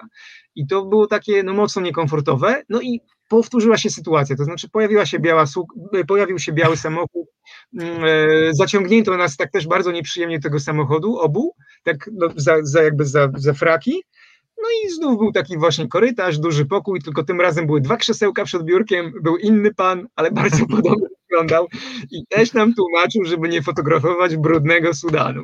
Tak. I, I pamiętaj, było... Piotrze, nie fotografuj już nigdy więcej. Tak powiedział. No, nie wiem, jak, jak, to wygląda teraz, ale wtedy to jeszcze um, jakby obowiązywało takie prawo, to znaczy prawo Mhm. stanowiło, że em, obcokrajowiec ma obowiązek być w posiadaniu tak zwanego pozwolenia na fotografowanie. Mhm. Co ciekawe, nas nie pytali o to pozwolenie, wiesz, nie pytali nas o te pozwolenia na fotografowanie. W ogóle już potem, jak weszliśmy do tego pokoju obaj z Grzesiem, no to ten pan był bardzo miły. On jakby był taki no, sympatyczny, bardzo stanowczy. No i generalnie na koniec nam powiedział, że y, wiem, że i tak będziecie fotografować, ale uważajcie. No, tak pokazał? Po, po polsku pokazał? Nie, w ogóle mówił właśnie o przyjaźni polsko-sudańskiej. O, to pięknie. Jest całkiem spora grupa Sudańczyków, która na przykład w latach 70. studiowała w Polsce medycynę. Medycyna była dość popularna, jeśli chodzi o kraje typu Peru. W Peru też spotkałem kilka osób, które studiowały. Na Kubie, Kuba, prawda, Polska, no to, to, to są takie kraje, z których można było spotkać osoby e, na polskich uczelniach w lata 70., 80. jeszcze. No Kilka, teraz- z tych, kilka z tych osób zostało w Polsce. Jest przynajmniej kilku takich doktorów, którzy rozpieszli się po pięknych y, czeleściach naszego kraju, gdzie, Tak. gdzie pracują jako, jako lekarze, jako medycy. Tak. Mm, Zanim przejdę do kolejnego pytania, to mam niestety do ciebie bardzo złą wiadomość. Pierwsza jest od pana Pawła. Y, Nie puszczaj Piotra, można go słuchać bez końca. To jest pierwsza zła wiadomość dla ciebie. Y, A druga jest od pana Kamila Stelmasika, który też napisał, można słuchać go godzinami. Sorry Piotrze, nie puszczę cię dzisiaj. Y, Pani Angelika... No Dobrze. sorry, no. No sorry, no. Kamil, jak mogłeś? Przyjadę do ciebie. Nie przyjadę do ciebie. Kolejne Nie. pytanie od pani Angeliki. Pani Angelika walczy o to, żeby być jedną z najbardziej aktywnych naszych y, dzisiaj y, słuchaczek i, i, i jako widz będzie na pewno wpisana na listę najbardziej aktywnych widzów i pośród tych widzów rozlosujemy przynajmniej trzy egzemplarze y, książki pod tytułem Zaistnienia, o której porozmawiamy może, może nieco później. Pani Angelika pyta, czy wozisz z, ze sobą na przykład gaz pieprzowy albo coś innego, co pozwoliłoby em, tobie na szybką obronę, na przykład kiedy zatrzymujesz się w tych mniej bezpiecznych miejscach? Mhm. Mm, A, bo tak kręcę, kręcę tą głową, tak, tak, tak, a właśnie nie, znaczy nie wożę.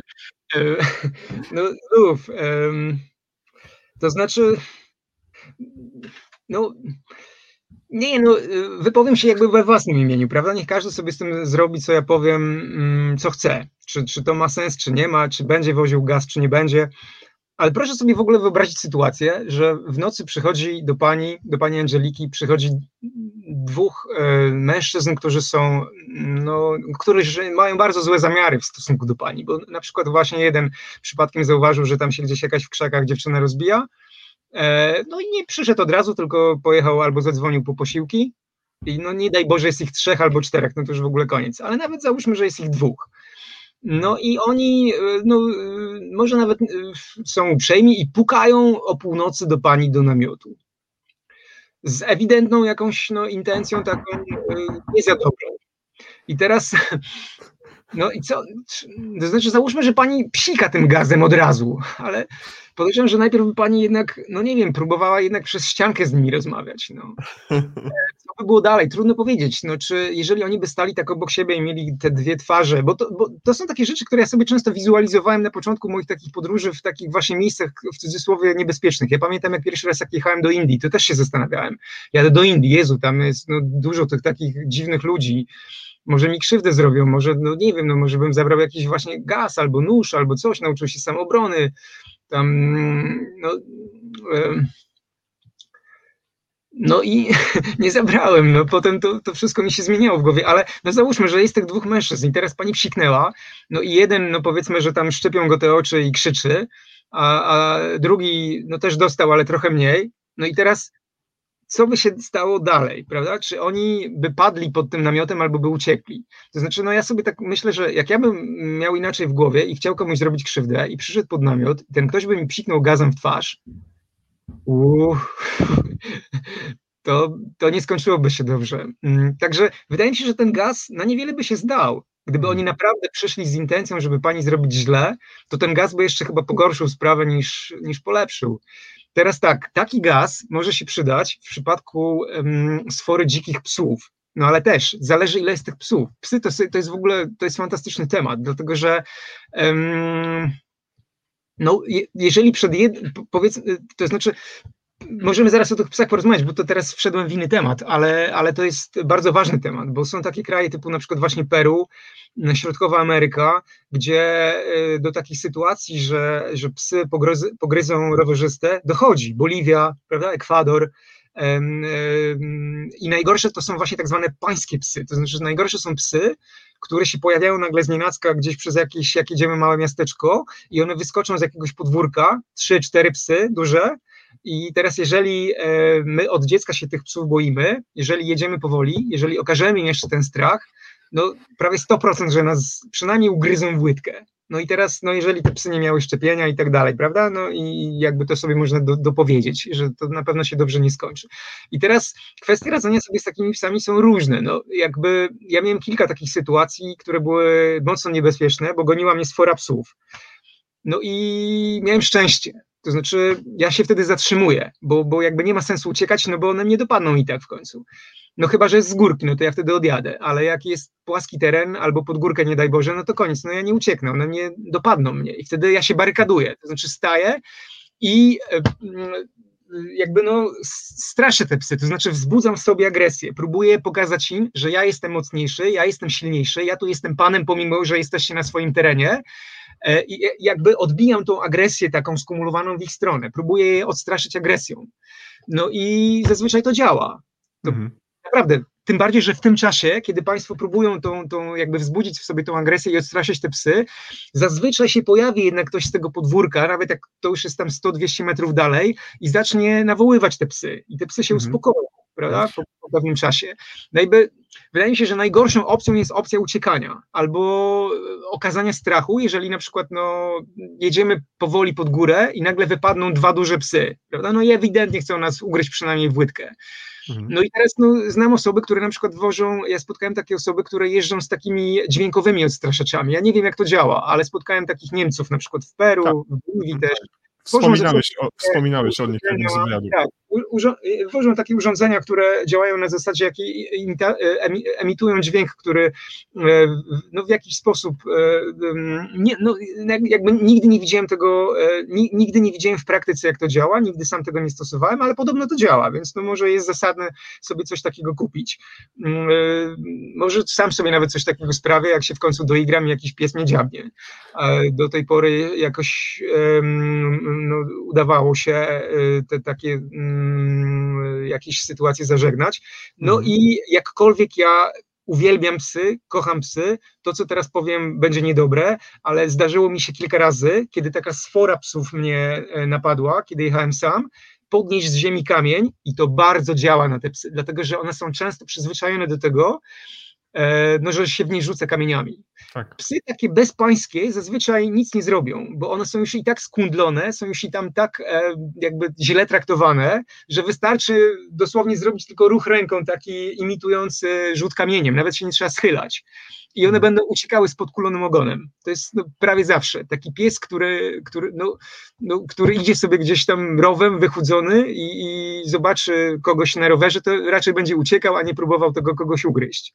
Mhm. E, no i no można wieść ze sobą jakiś badyl, nie wiem, ale to wszystko waży, prawda? Ja raz nawet spotkałem taką parę, która wiosła meczetę i oni też mnie pytali właśnie, co ja mam na psy, bo ich kilka razy też jakby sfora psów goniła i że no, mają meczetę na psy. No nie, no nie hmm. wiem.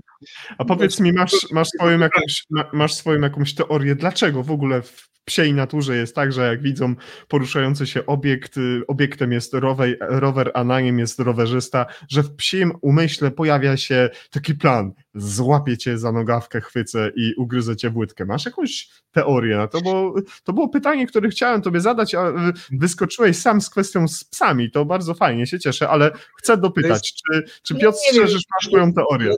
Znaczy, no, nie, nie wiem, czy to jest teoria, ale uważam, że to jest dość naturalne, no, że niektóre zwierzęta tak po prostu mają. Ja, ja powiem ci, że ja sam nawet tak często mam.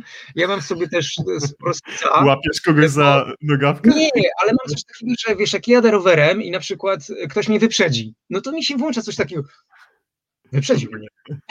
I naciskam na pedały i go gonię, nie? Jak jakiś, no, no, no, ojej, nie? No, no, no, bo to jest takie, nie? Szczególnie właśnie w facetach się to włącza, nie? Ja już nie daj Boże, jak cię kobieta wyprzedzi, to już... O, to już koniec.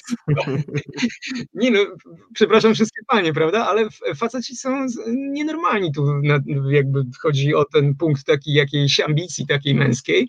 No i jak już parę razy mi się coś takiego zdarzyło, nie? Że jadę rowerem e, objuczony i kobieta mnie wyprzedziła rowerem. No to w ogóle od razu, prawda? Na, na pedały, o kurde, no jadę, jadę, prawda? No, no, to jest nienormalne. I to jest, no, Zapi zapisuję do jednej z, z najbardziej No tak, tak, tak. Jest taki, taki, taki, właśnie też element czasami e, właśnie psi w człowieku, że mm. goni za jakimś elementem poruszającym się, nie? Więc wiesz, no pies, no, no lubi, no, pobiegać i chwycić. Prawda? No to może tak. ma coś na sumieniu, ucieka, trzeba go pogonić. No bo jak idziesz normalnie, spokojnie, to się raczej nic nie stanie. Czy jak zapukam jutro do twoich drzwi, to znajdzie się książka dla mnie? O, Gosia Hartman. O! Jeżeli przyjdziesz do godziny 13, to tak. Tak, ale patrz, słowo klucz, płacone gotówką. No, przyjdziesz do 13, cash, cash nie, tylko, nie, nie, tylko, tak, nie tylko książka, ale i kawa. O, o, żałuję, że nie mieszkam w waszej miejscowości. Przyszedłbym, zapukał, kupiłbym, jeszcze załapałbym się na dobrą kawę. Bardzo, bardzo y, pani zazdroszczę, pani Małgorzato, y, ale mamy nadzieję, że jak już się to wszystko pokończy, o czym mówiliśmy na samym początku, to będę miał y, przyjemność i okazję wypić dobrą kawę mm, z Piotrem Strzeżyszem i może przy okazji poznać panią Małgorzatę. Y, drodzy Państwo, zapraszam do dyskusji, zapraszam do rozmowy o kawie również. Pan Maciej Marynowski jest z nami dzisiaj. I pan Maciej pyta, Piotrze, czy niskie temperatury nocą w okolicach równika uważasz za zagrożenie dla rowerzysty nocującego pod namiotem? Dziękuję panie Piotrze za pańskie pytanie. Nie, to panu Maciejowi podziękuję. Yy, tak, panu Maciejowi, przepraszam bardzo. Tak, panu Maciejowi dziękuję za pytanie dla pana Piotra. To znaczy, nie wiem, kurczę, nie do końca rozumiem to pytanie, bo e, niskie temperatury w okolicach równika, ale tam jest gorąco w nocy, chyba że jesteśmy wysoko w górach.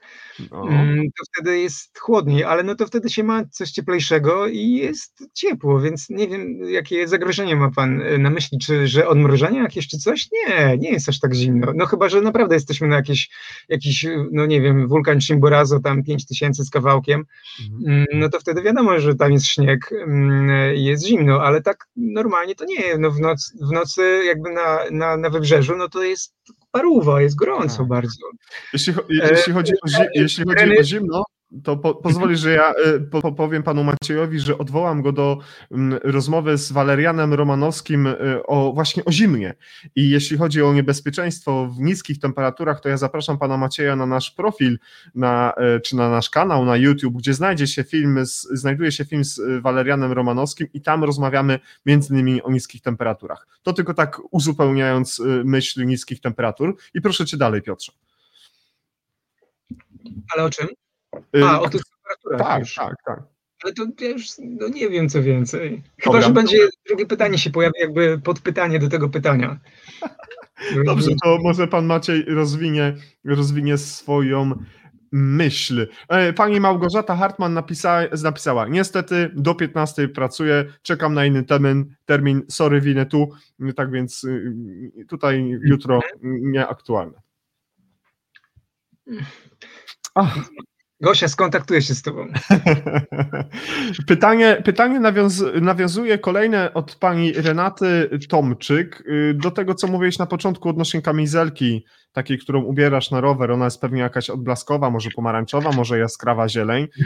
Y, I pani Renata zadaje pytanie, czy jadąc rowerem ma pan jakieś jaskrawe kolory ubrania, czy przeciwnie? Już troszkę o tym było mówione, ale bardzo proszę do tego na, nawiążemy. Mhm.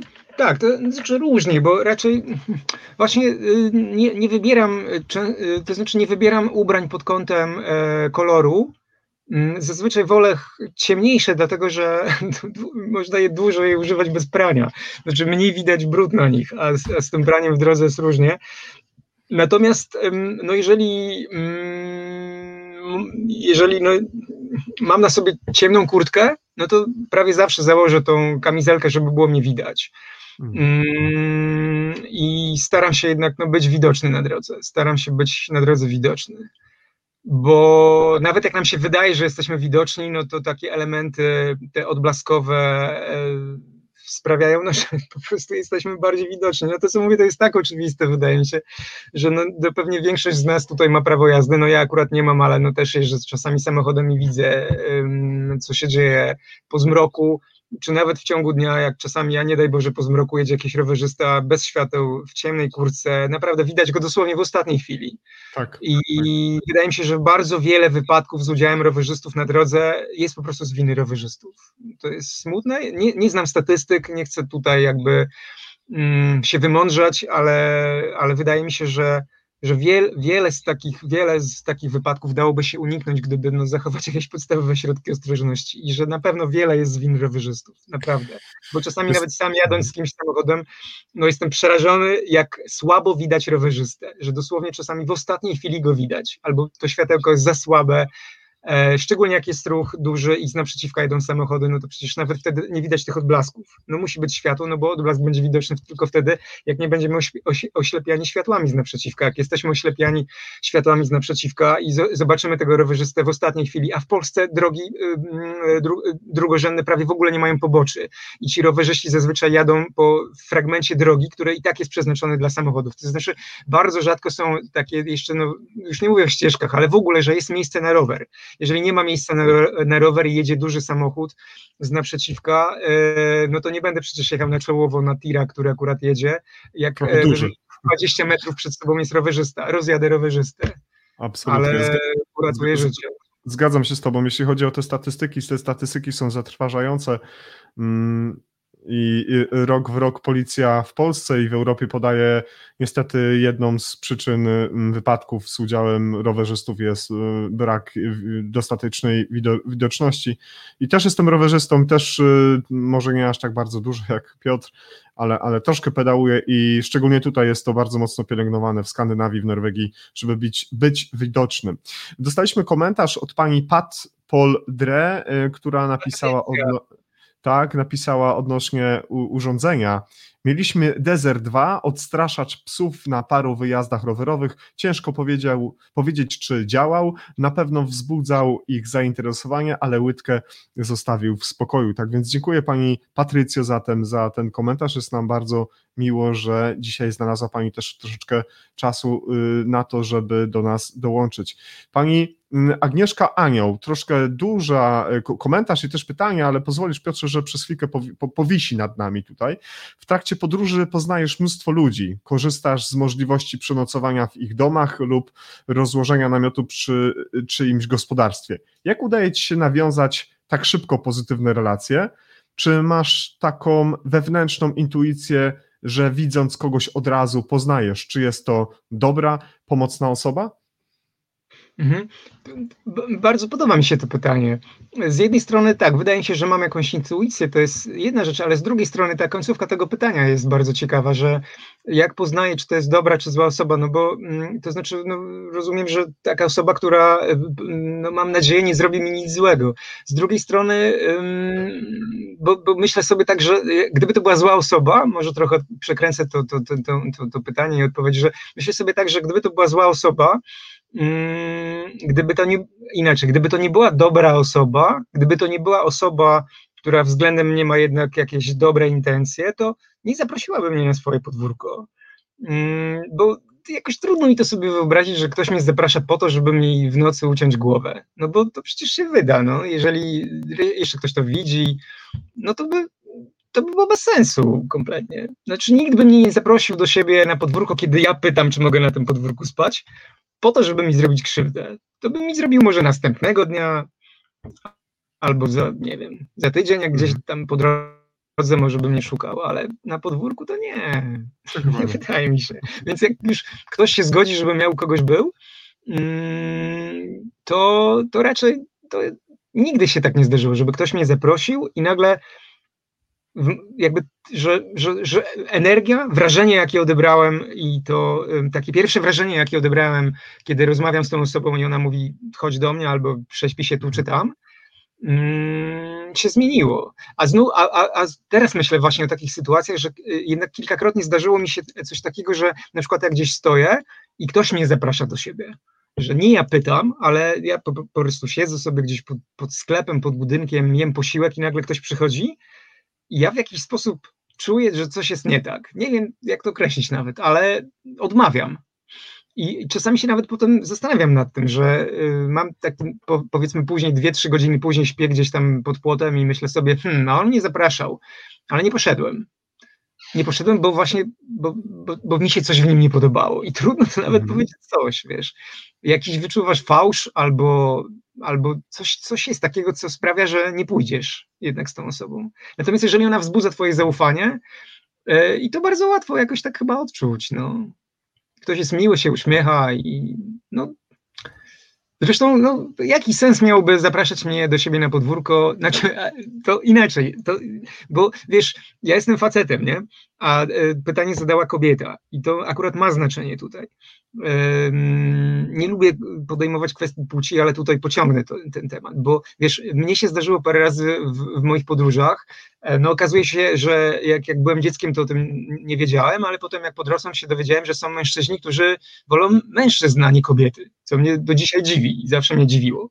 Ale, znaczy dziwi, ale toleruję to, prawda? Tylko nadal mnie to dziwi. To znaczy, to dziwi mnie w taki sam sposób, że jak mnie na przykład dziwi, jak można nie lubić czekolady, prawda? Bo ktoś nie lubi czekolady i myślę sobie, Jezu, jak można nie lubić czekolady? I jak mi ktoś mówi, że on y, woli mężczyzn od kobiety, to ja sobie myślę, Jezu, jak można wolić mężczyzn od kobiety? Mężczyźni są tacy obleśni.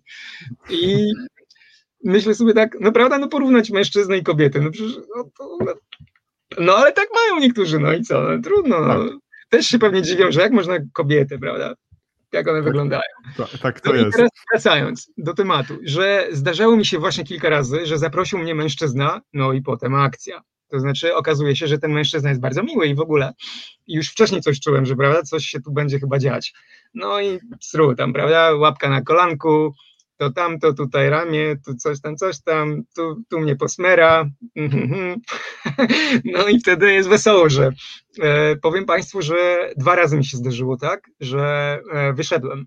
Że, że jakby nie dał sobie ten ktoś wytłumaczyć, no że ja jednak wolę kobiety. I to było, mm, to było trochę niekomfortowe, ale jakby nie, było przekroczona, nie była przekroczona ta granica. To znaczy, za, ja pamiętam jedną taką sytuację, że się nawet trochę zdenerwowałem, bo ten facet już się zaczął robić trochę taki natarczywy, mhm. ale no, nic mi nie zrobił żadnej krzywdy. Po prostu mm, być może, że na przykład wcześniej zaprosił trzech, czterech rowerzystów i dobrze trafił. I, i myślał, że wszyscy podobnie do, do tamtych wyglądających się też tak zachowają.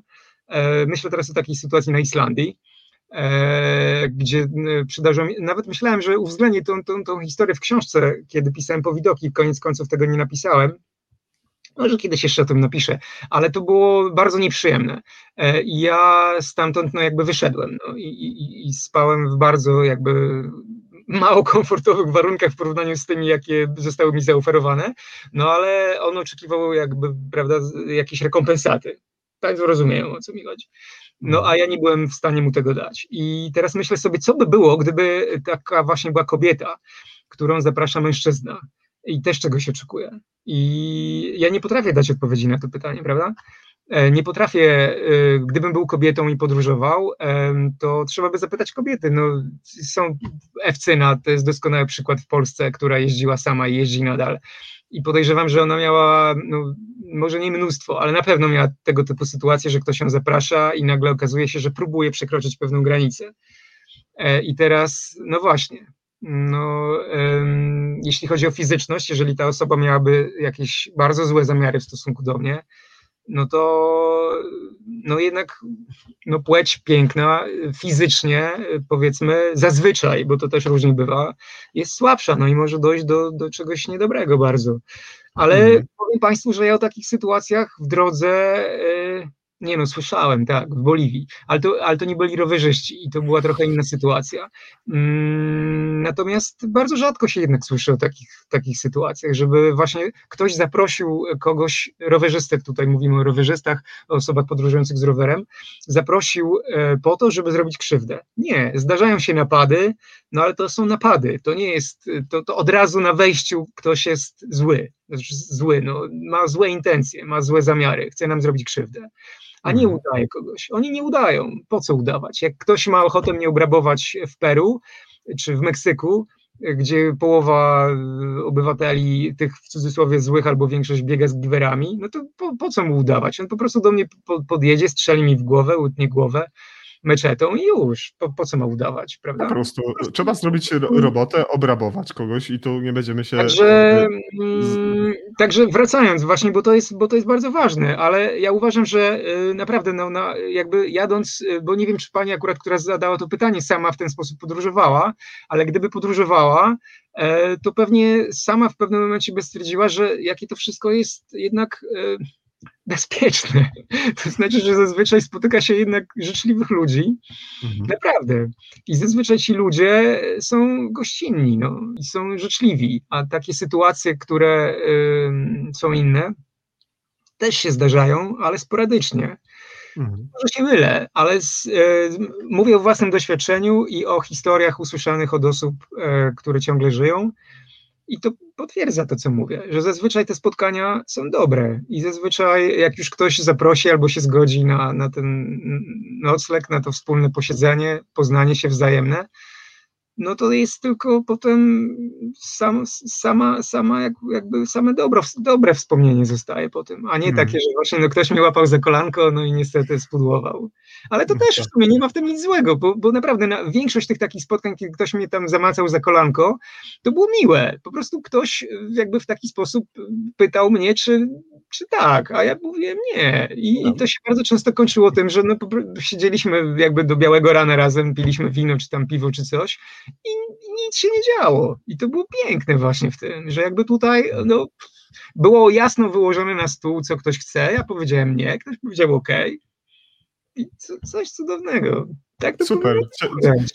I tak powinno to wyglądać, a, a nie tak jak jest w Indiach, że ilość między innymi gwałtów jest y, ogromna, że statystyki są tragiczne. Tak.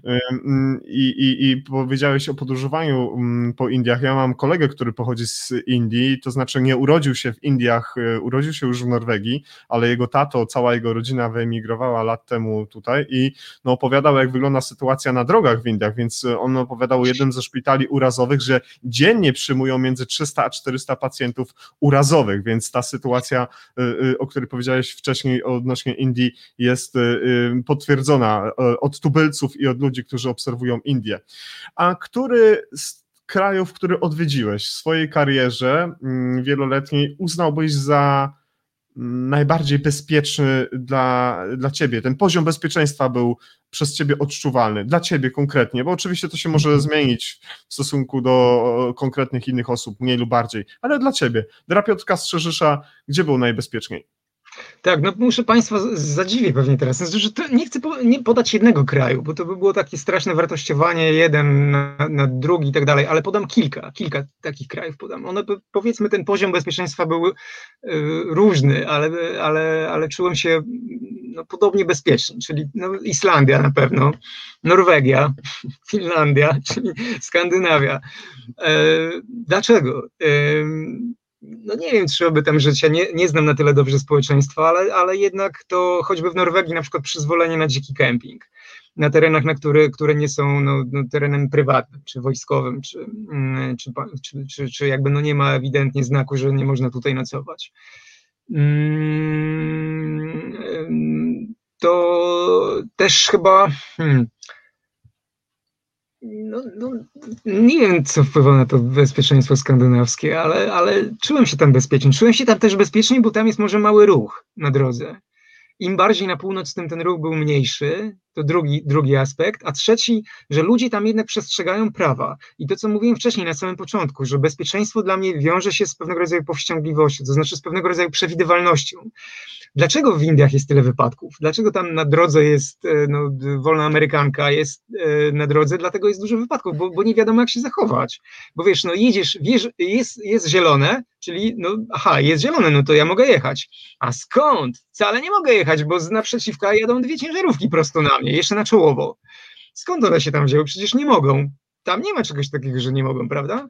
To znaczy nie jest społeczeństwo nauczone, że jak jest zielone, no to się, to się jedzie, jak jest czerwone, to się stoi. A skąd? Jak jest czerwone, to też się jedzie. I się, jest prawo silniejszego, jak jest ciężarówka, no to ja jadę, a jak będzie rowerzysta, to go rozjadę.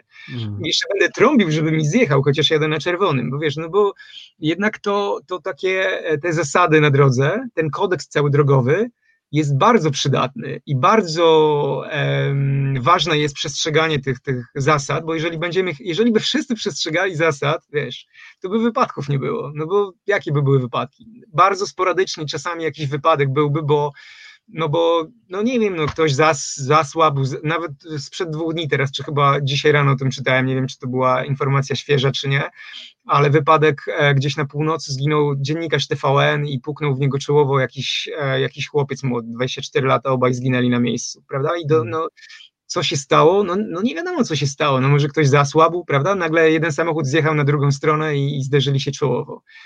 E, nawet jeżeli jechali te 60 przepisowe 70 na godzinę, no to, to, to jednak siła uderzenia w przypadku czołowego przy tej prędkości, no to to jest, no jest, jest, jest jaka jest. I tak. jest potężna. Także gdybyśmy przestrzegali zasad i jechali po mieście 50, no to byśmy wyhamowali przed, przed, przed, pieszym. Jeżeli pieszy by nie wchodził na światło, a mi się też czasami zdarza, przyznaję się bez bicia, wejść na czerwonym, um, bo się spieszę, bo wydaje mi się, że nic nie jedzie, a może akurat właśnie coś będzie jechało. Hmm. Ja nie zauważyłem, prawda? Jakbym stał na zielonym, jak, jeżeli będę stał na zielonym świetle, jeżeli samochód się zatrzyma, jak ma czerwone, no to jak może dojść do wypadku na pasach? Jeszcze jak jest sygnalizacja świetlna, no ja sobie nie potrafię tego wyobrazić, no chyba, że będzie awaria hamulca. No to ten samochód, nie wiem, skręci przy takiej nawet prędkości, jak będzie jechał 50 i będzie hamował i zobaczy, że nie może wyhamować, no to uderzy w słup, w latarnię, ale nie człowieka i tak dalej. Więc wiesz, ważne jest to przestrzeganie, ważne są te zasady. Jakbyśmy przestrzegali, to by nie było tych wypadków, więc a gadam i gadam, już nie pamiętam, jakie było pytanie. A, w jakich krajach było e, właśnie... Tak, bo, najbezpieczniej i to powiedziałeś. To jest bardzo ważne, bo, bo chcę powiedzieć o Stanach Zjednoczonych. Dlatego, że to, to jest kraj, który nie jest kojarzony z bezpieczeństwem, a ja się tam czułem bardzo bezpiecznie, dlatego, że tam są ścisłe reguły postępowania. To znaczy, jeżeli przestrzegasz tych reguł, a to w większości jednak są obywatele przestrzegający prawa. Jeżeli ktoś nie przestrzega tego prawa, no to jest nagłaśniany, prawda, i bardzo często dochodzą do nas jakieś informacje, że chłopiec wpadł do szkoły, no i tam zrobił sieczkę, kupił sobie pistolet i, i zabił nauczycielkę od chemii, bo nie lubił chemii przy okazji tam Hania, Frankę, Juzia, a na koniec siebie. No ale to nie dzieje się codziennie, nie dzieje się, to, to jest jednak społeczeństwo składające się no, z kilkuset milionów obywateli, prawda? To, to, to rodziny są różne, te, te, jednostki też są różne, trzeba by każdy, sporady, każdy oddzielnie taki przypadek rozpatrywać, jak do tego doszło, skąd się to wzięło i tak dalej. Wie, już kończę, bo widzę, że ziewasz, ale chciałem dokończyć te Stany Zjednoczone, nie? Wiesz, jeszcze, jeszcze, nie, ja po prostu mam kilka pytań od widzów, a jeszcze mamy do, do pyknięcia Kolumbię. Tak tylko więc... właśnie Stany, wiesz, że, że w Stanach na przykład e, tam, gdzie nie było ścieżek, no to było niebezpiecznie, bo jechałem autostradą, owszem, ale w Stanach też, w tych Stanach zachodnich, czyli Kalifornia, e, szczególnie Oregon, e, Washington, stan, nie miasto, są fantastycznie poprowadzone ścieżki rowerowe. W miastach, na przykład takie trójmiasto, tam Seattle, Olympia, Tacoma, no jak Państwo będą mieć kiedyś okazję pojeździć po dużych miastach w Stanach Zachodnich, typu na przykład Portland czy Seattle, po ścieżkach rowerowych, e, nawet Las Vegas, Henderson, południowe, e, południowe, południowa część Las Vegas, ścieżki są tak fantastycznie weź, bezkolizyjnie poprowadzone, kierowcy hmm. uważają na te pasy, jeżeli jest pas dla rowerzystów, to nikt tam nie wiedzie, znaczy nikt nie skręci na ten pas, jeżeli jest tunel i jest znak e, mówiący, że w tunelu ma się jechać te 30 mil na godzinę, godzinę, bo jest na przykład sygnalizacja, jak ja wjeżdżasz do tunelu, to jest fotokomórka i się zapala sygnalizacja i jedziesz w tunelu jak święta krowa wtedy, naprawdę, nawet jak jest pod górkę. Jedziesz te 15 na godzinę, za tobą rządek samochodów, nikt nie zatrąbi, wszyscy cierpliwie za tobą jadą te 15 na godzinę. Tak. Bo jedzie rowerzysta w środku. A, a tutaj on, będzie. Tak, prawo. Nie dlatego, bo to jest święta krowa, tylko on ma tam prawo być.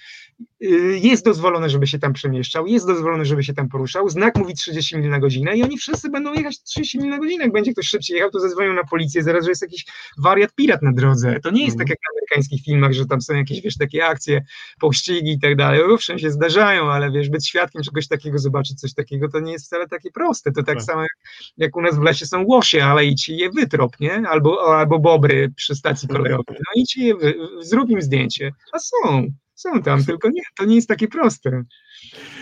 Jest kilka jeszcze pytań, do których chciałbym mm, nawiązać. Są to pytania od naszych widzów. Ja już swoich chyba tak za dużo dzisiaj nie zadam.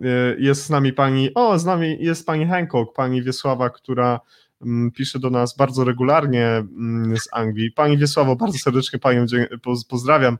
We Włoszech Południowych tam to dopiero jest wolna Amerykanka. E, poobijane z uszkodzoną karoserią samochody jeżdżą jak chcą, a motorynki to jeżdżą nawet po chodnikach dla pieszych. Zgadza się, byłem tam też dwukrotnie Pani Wiesławo i rzeczywiście tak jest. Pewnie Piotr może to potwierdzić.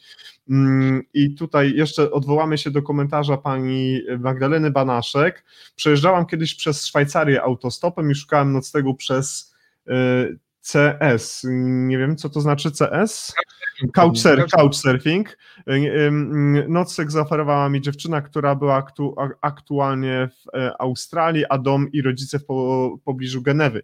Nie wiedzieli do końca, co to CS i nie za bardzo pozytywnie byli nastawieni, by ktoś obcy spał u nich w domu. Przekonali się, dziewczyna wszystko zorganizowała, jej mama Polka i tata Meksykanin ugościli mnie najlepiej jak mogli. Warto się odważyć i czasami zaufać, dopóki nie przekroczymy granic nigdy nie dowiemy się, jak to będzie. Tak więc bardzo serdecznie Pani mm, mm, Magdaleno dziękuję za to i trzy pros, y, szybkie pytania, może szybkie odpowiedzi tu do Piotra. No. Z racji, bo jest jeszcze Kolumbia, bez Kolumbii nie wyjdziesz stąd, nie wypuszczę.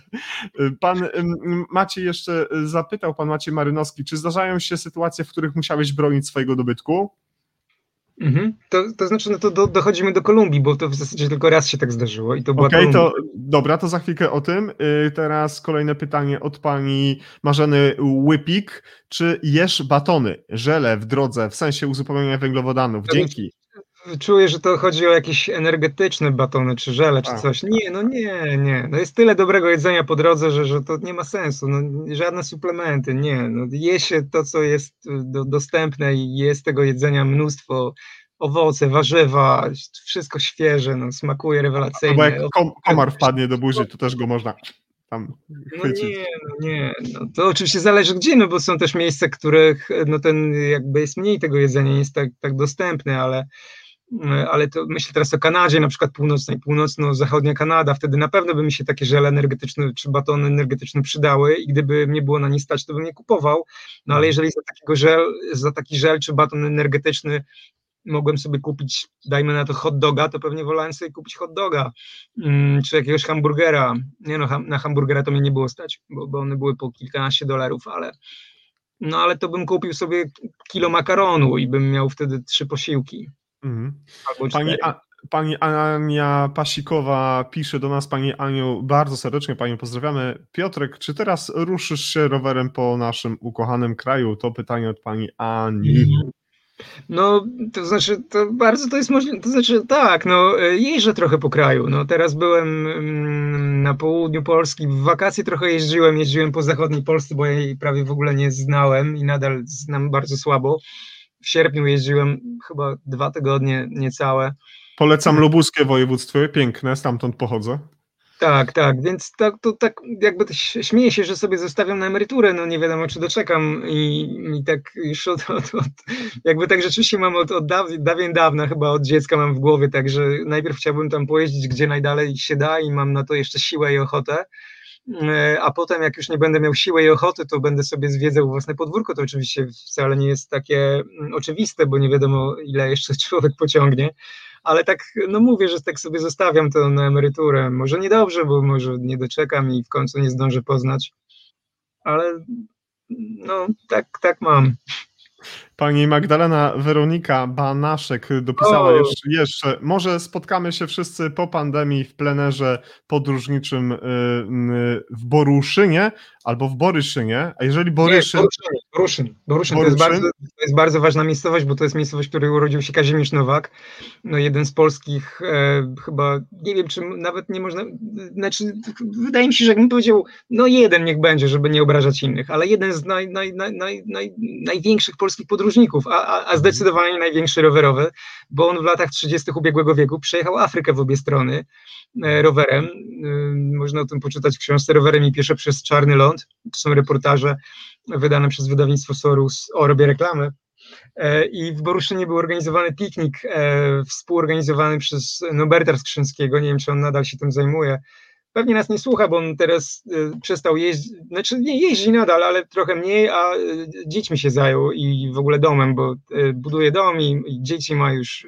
ja już nie wiem, chyba już trójkę, przynajmniej dwójkę, bo już tak jak zawsze nie miał, nie miał, to nagle jakoś tak się zaczęły pojawiać w jego życiu.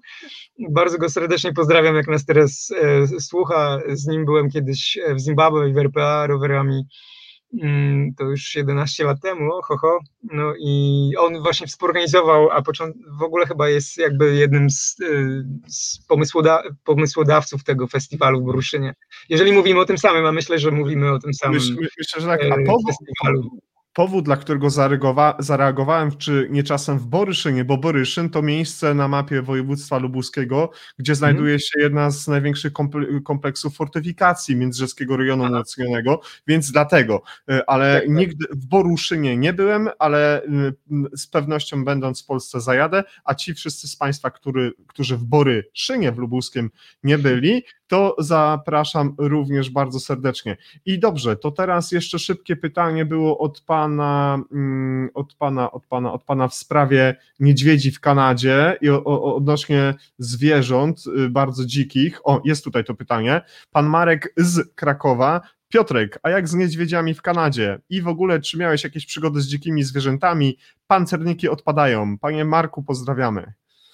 No kurczę, to, to bym gadał godzinę teraz, jakbym chciał wszystko powiedzieć, bo mam, mam du, no, dużo, dużo takich spotkań było, tak, z niedźwiedzie, niedźwiedzie w Kanadzie były też, no, no i co, no nie zjadły mnie, na całe szczęście, śmieję się oczywiście, ale no jak je widziałem gdzieś były blisko namiotu, no to mi do śmiechu nie było, taki jakiś, trochę taki niepokój był.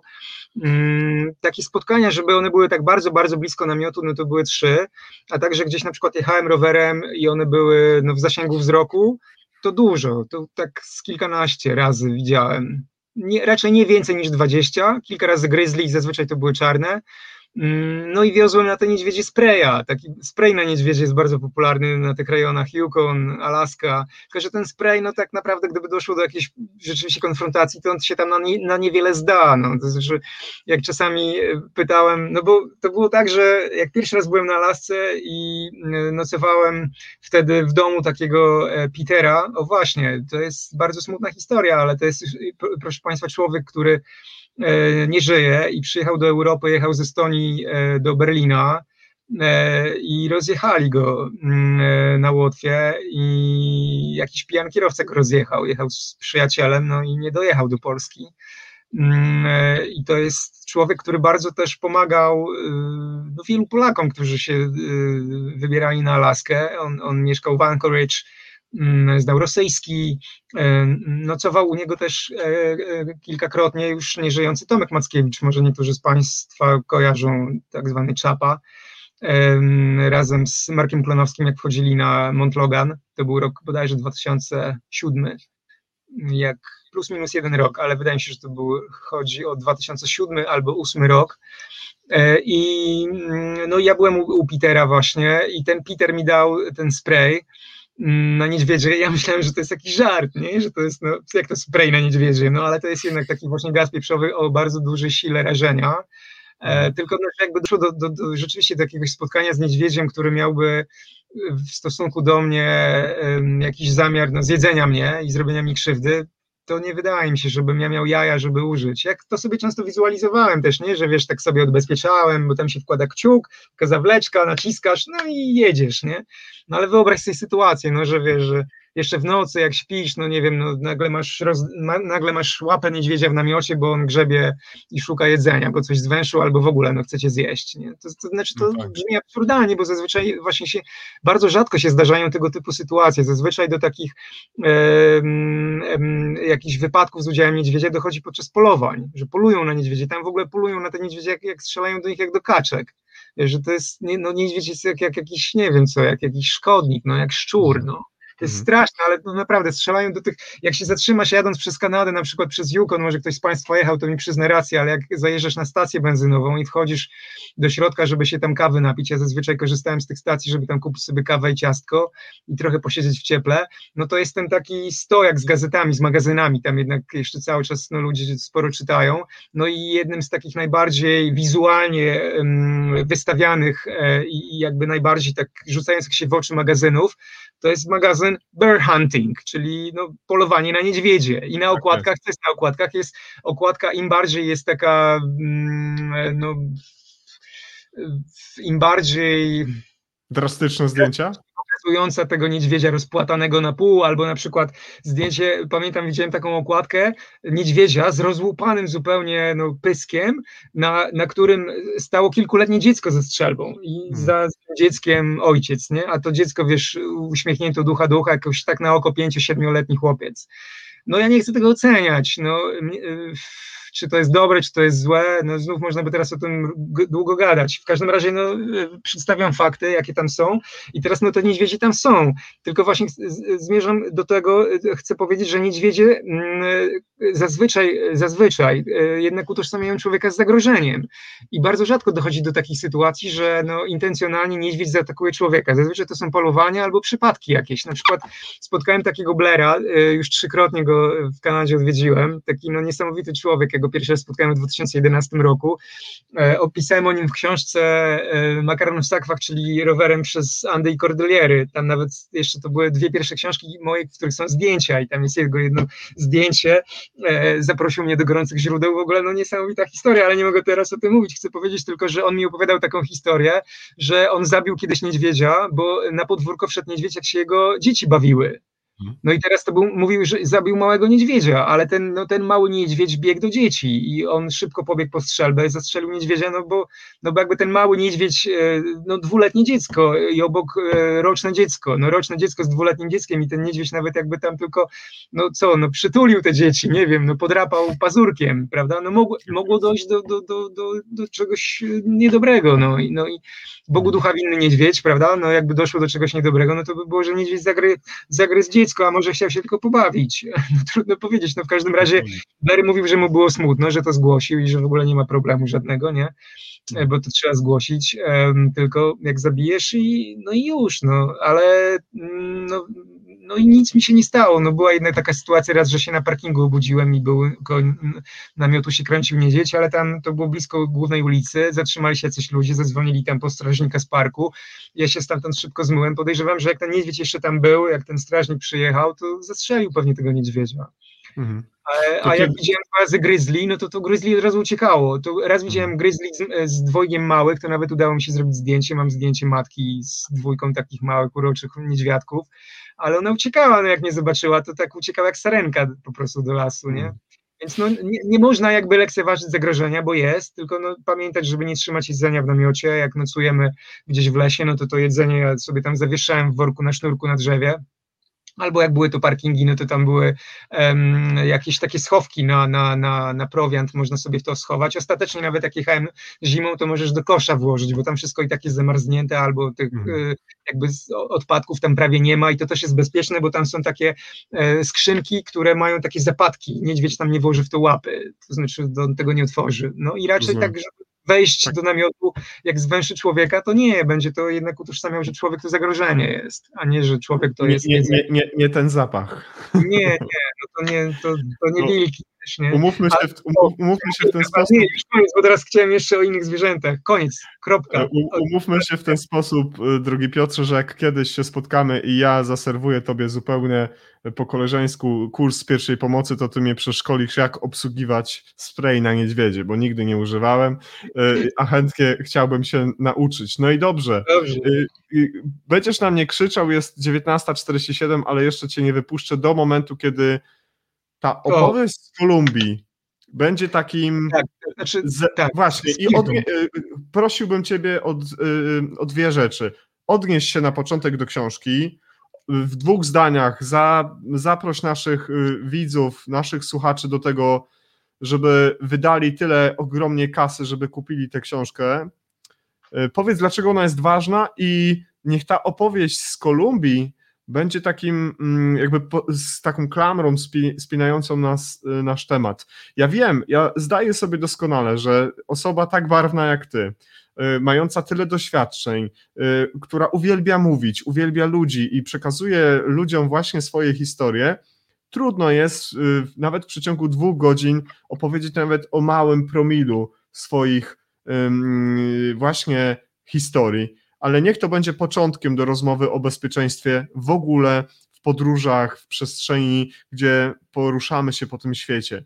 I bardzo się cieszę, że przyjąłeś dzisiejsze zaproszenie, bo to, co powiedziałeś przed momentem odnośnie naszej często winy, że to my, rowerzyści, niestety popełniamy takie błędy, które spotykają Y, y, potem się z ogromnymi konsekwencjami. To tak, teraz proszę Cię, opowiedz o zaistnieniach, która będzie rozlosowana pośród naszych dzisiejszych widzów po programie. Zajmę się tym osobiście i później w poście w Nurdistriget na Facebooku będzie informacja, kto wygrał tę książkę, więc warto może polubić nasz y, profil na Facebooku, może warto dodać jakąś łapkę, bo to się tak mówi chyba teraz, nie, że dodaj łapkę, dzwoneczki i inne rzeczy, więc zapraszam do polubienia naszych miejsc, a Piotrkowi oddaję głos, jeśli chodzi o zaistnienia i proszę o opowieść z Kolumbii.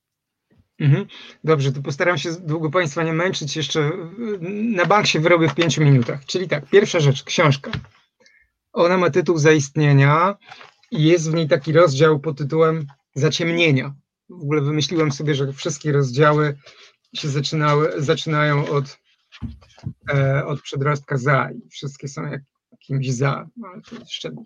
Więc tak, no książka, no książka jest, yy, ja lubię tą książkę. No, uważam, że to jest jakby na ten moment nic lepszego bym chyba nie napisał.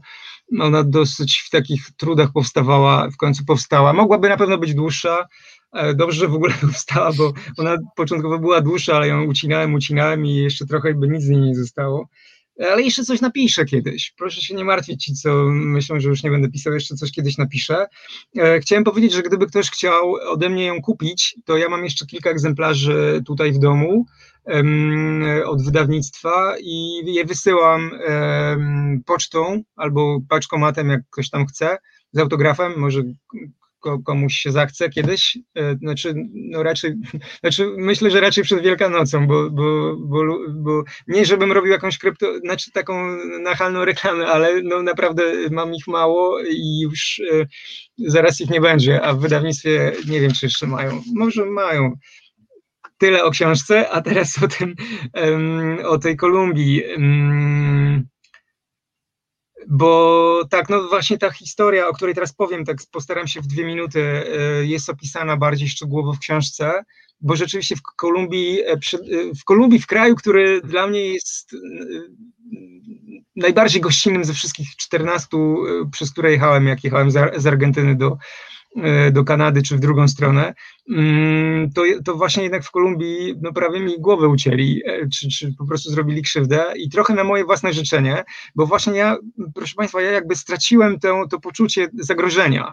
Mm, tak długo jechałem e, w tym względnym bezpieczeństwie, w poczuciu tego względnego bezpieczeństwa, tak dużo spotykałem się z takimi otwartymi, gościnnymi, w cudzysłowie, no dobrymi ludźmi, że mi się ten instynkt samozachowawczy tak stępił, że pomimo tego, że od kilku dni, przez kilka dni jechałem, to była taka część północno-zachodnia Kolumbii, mm, tereny na, na zachód od Kartageny, w stronę e, Zatoki, e, miejscowości Nekokli, Turbo, ja stamtąd potem promem miałem płynąć do, do Panamy.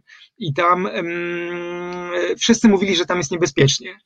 E, ja czułem w ogóle coś takiego też potem, jak, jak myślałem o tym w ogóle, co się stało, że tam no było, tam czuło, czuło się coś takiego dziwnego, jakby taką, nie wiem jak to nazwać. No i yy, upraszczając, czyli no jechałem nocą, jeszcze druga rzecz. E, wszyscy mówili, żebym, broń Boże, nocą nie jeździł. No i ja nie dość, że właśnie byłem w terenie, który był potencjalnie niebezpieczny, to jeszcze jechałem nocą. No i to była kolejna noc. To znaczy, no, po, poprzedni, poprze, poprze, po, podczas poprzednich nocy miałem bardzo dużo szczęścia, bo się nic nie wydarzyło. A no, przyszła kolej, kolejna noc, to było, były okolice miejscowości Onufre I tam jadę sobie, zrobiłem zakupy w sklepie, godzina powiedzmy tam 18.30, e, czyli no za 5 minut było kompletnie ciemno i jadę, no już jest kompletna ciemność, taki no teren y, słabo jakby zabudowany, jakaś chałupa po prawej, po lewej, ale też słabo oświetlona i w zasadzie no takie zadupie. No, no i no jedzie motocykl za mną, prawda? No i przejechał motocykl i nagle widzę, że przede mną się zatrzymał. I, I, to, był, to był pierwszy taki, jakby taki. Pamiętam, że to mnie zdziwiło, że zatrzymały się światła. No i właśnie widzę, że te czerwone światła wykręcają i jedzie prosto na mnie sam motocykl. Mm, siedziało na nim dwóch mężczyzn.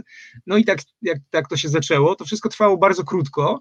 To znaczy, to było tak, że oni jakby podjechali, wykręcili, e, zrównali się ze mną, zaczęli bardzo być e, agresywnie, nieprzyjemni słownie. Ja zahamowałem, zacząłem jechać w drugą stronę, no to oczywiście oni wykręcili, jechali, jechali za mną i w tym momencie próbowali mnie capnąć. To znaczy on taki, jeden z nich jakby złapał mnie za koszulkę, pociągnął, w ogóle po, porwał kawałek. Miałem taką już mocno zużytą koszulkę przepoconą, e, która, no, która, która, która została następnego dnia w ogóle wyrzucona, żeby nie pamiętał przykrego zdarzenia. I ja znów zahamowałem, znów wykręciłem, no i, i, i, znaczy już, już to pewnie by się skończyło bardzo źle, tylko proszę sobie wyobrazić, że z naprzeciwka zaczął jechać samochód, jechała karetka na sygnale. No i ja jechałem prosto na tą karetkę, to znaczy tam był zakręt, zaraz ona wyjechała ze zakrętu, jechała karetka, ja jechałem prosto na czołowe zderzenie z tą karetką. E, no i karetka jakby no się zatrzymała, ja, ja wykręciłem, podjechałem, y, to wszystko, co teraz mówię, to mi się wydaje takie jakby racjonalne i normalne, ale to potem, jak, jak, jak, jak sobie to jakoś wyobrażałem wieczorem, jak już zasypiałem, albo zasypiałem w, w mieście, bo, bo z tą karetką dojechałem do, z powrotem do tej miejscowości Onufre i już zostałem w miasteczku, ale jak zasypiałem, to to, to, to jakby to, to wydawało mi się, że to jest trochę taki sen z jednej strony, a z drugiej strony, że to się tak do, do, nie dzieje naprawdę. I te, te wszystkie moje ruchy, ten hamulec, to, że jechałem w drugą stronę, to było takie nieprawdopodobnie automatyczne. Nie wiem skąd mi się to wzięło. I właśnie to, że nie czułem strachu, podczas całego tego zajścia, ale w momencie, kiedy już tam wracałem no, z, razem z tą karetką w stronę miasteczka, to po prostu czułem, że się cały się trzęsę. Znaczy mm. cały się trzęsłem z takiego jakby, no, tu już nie było strachu, ale całe moje ciało się trzęsło, całe się trzęsłem i tak jakby nawet jak zasypiałem, to jeszcze czułem, że jestem taki no, taki przerażony chyba tym wszystkim, co się Roz, rozdygotany, rozdygotany byłeś. Tak blisko, blisko, tak strasznie blisko było coś, co się mogło bardzo źle skończyć. To znaczy, mm. proszę Państwa, jak ktoś mówi, żeby nie jeździć nocą, to nie jedziemy nocą. W tych krajach tam nie wolno jeździć nocą. I teraz wracam do zdarzenia, które miało miejsce w Meksyku, kiedy Polak jechał z Niemcem dwa lata temu, może Państwo słyszeli, taki pochodzący z Gryfina e, chłopak, któremu ucięli w Meksyku głowę. E, Niemca zastrzelili, e, Polakowi ucięli głowę, wyrwali mu serce. E, prawdopodobnie, bo niemiecka rodzina przyjechała do Meksyku, wszczęto postępowanie i prawdopodobnie doszło do, jakichś, do, do jakiegoś absurdalnego zupełnie przypadku, polegającego na tym, że oni po pierwsze jechali nocą, a po drugie była tam jakaś grupa no, młodocianych, nie wiem jak ich nazwać nawet, tych ludzi, e, którzy, którzy no, wprowadzali kogoś nowego do, do gangu i on miał się jakby wykazać, prawda? Czyli no, nastąpił jakiś kuriozalny przypadek polegający na tym, że ktoś się znalazł w nieodpowiednim miejscu w nieodpowiednim czasie. E, no, znów nie chcę nikogo oceniać, no, tylko jakby no, też może dałoby się tego uniknąć, gdyby nie jechali nocą. No tam nie wolno jeździć nocą, bo to no, mhm. tam po prostu jest niebezpiecznie. No. W nocy tam ci ludzie, ci sami ludzie, nawet kiedyś ja, to było akurat w Salwadorze, w Salwadorze raz nocowałem u osoby, która e, normalnie nazywała się gangsterem i on, on mi normalnie otwarcie powiedział, człowiek w Salwadorze, w takiej, już nie będę mówił gdzie, bo jeszcze ktoś tam pojedzie i go spotka, ale no nie, nie o to chodzi, ale chodzi mi o to, że on powiedział, mm, że, że dobrze, że się nie spotkaliśmy nocą, bo jakbyśmy się spotkali nocą, to wcale nie wiem, czy, czy tu byś u nas nocował. Mhm. I żartował, prawda, ale no, mówił, żebym uważał na siebie i żebym też właśnie bardzo często to słyszałem, broń Boże, nie jedź nocą. To znaczy, no, to są tereny, mniej bezpiecznie. Ro, ro, ro, rozumiem, o czym, rozumiem, o czym mówisz, bo pamiętam, kiedy miałem okazję być na Filipinach i byłem na Palawanie, to kiedy podróżowałem na dwóch kółkach, ale do tego był jeszcze silnik, bo jestem też miłośnikiem dwóch kółek warczących, to lokalsi, tubylcy mówili absolutnie na południe od Puerto Princesa dalej niż półtora godziny nie, bo tam już są ludzie, gdzie y, białego człowieka, białego Joe, jak to mówią, y, y, a już katolika, który gdzieś tam wygląda inaczej niż muzułmanin, po prostu porywają i mówili mi wprost. Tak więc rozumiem doskonale. Mhm. I, i, I tych sytuacji z pewnością mm, jest wiele na świecie. To przerażająca opowieść odnośnie tej sytuacji związanej z tym chrztem do przyjęcia do gangu, to jest jedna sprawa, a drugie to, co cię spotkało, jeśli chodzi o, o, o tą y, y, historię w Kolumbii. A powiedz mi, tylko jedno pytanie zadam odnośnie tej historii jako, jako ratownik medyczny. Y, jak byś opisał taką karetkę, która cię tam zabrała i jak, jak kontakt z lokalnymi ratownikami? Bo to mnie interesuje. Mhm. No, to znaczy, nie, no bardzo dobrze wiesz, bo to jest też, no wydaje się, że a, Kolumbia, no to tam nic nie ma. Nie, nie, to była w zupełności, no w stu procentach dobrze wyposażona karetka, ambulans, który, wiesz, nigdy nie byłem w, w polskim ambulansie w środku, jeszcze tfu, tfu, ani jako pasażer, ani jako no, ofiara, mam nadzieję, że nie będę musi, musiał korzystać, ale mhm.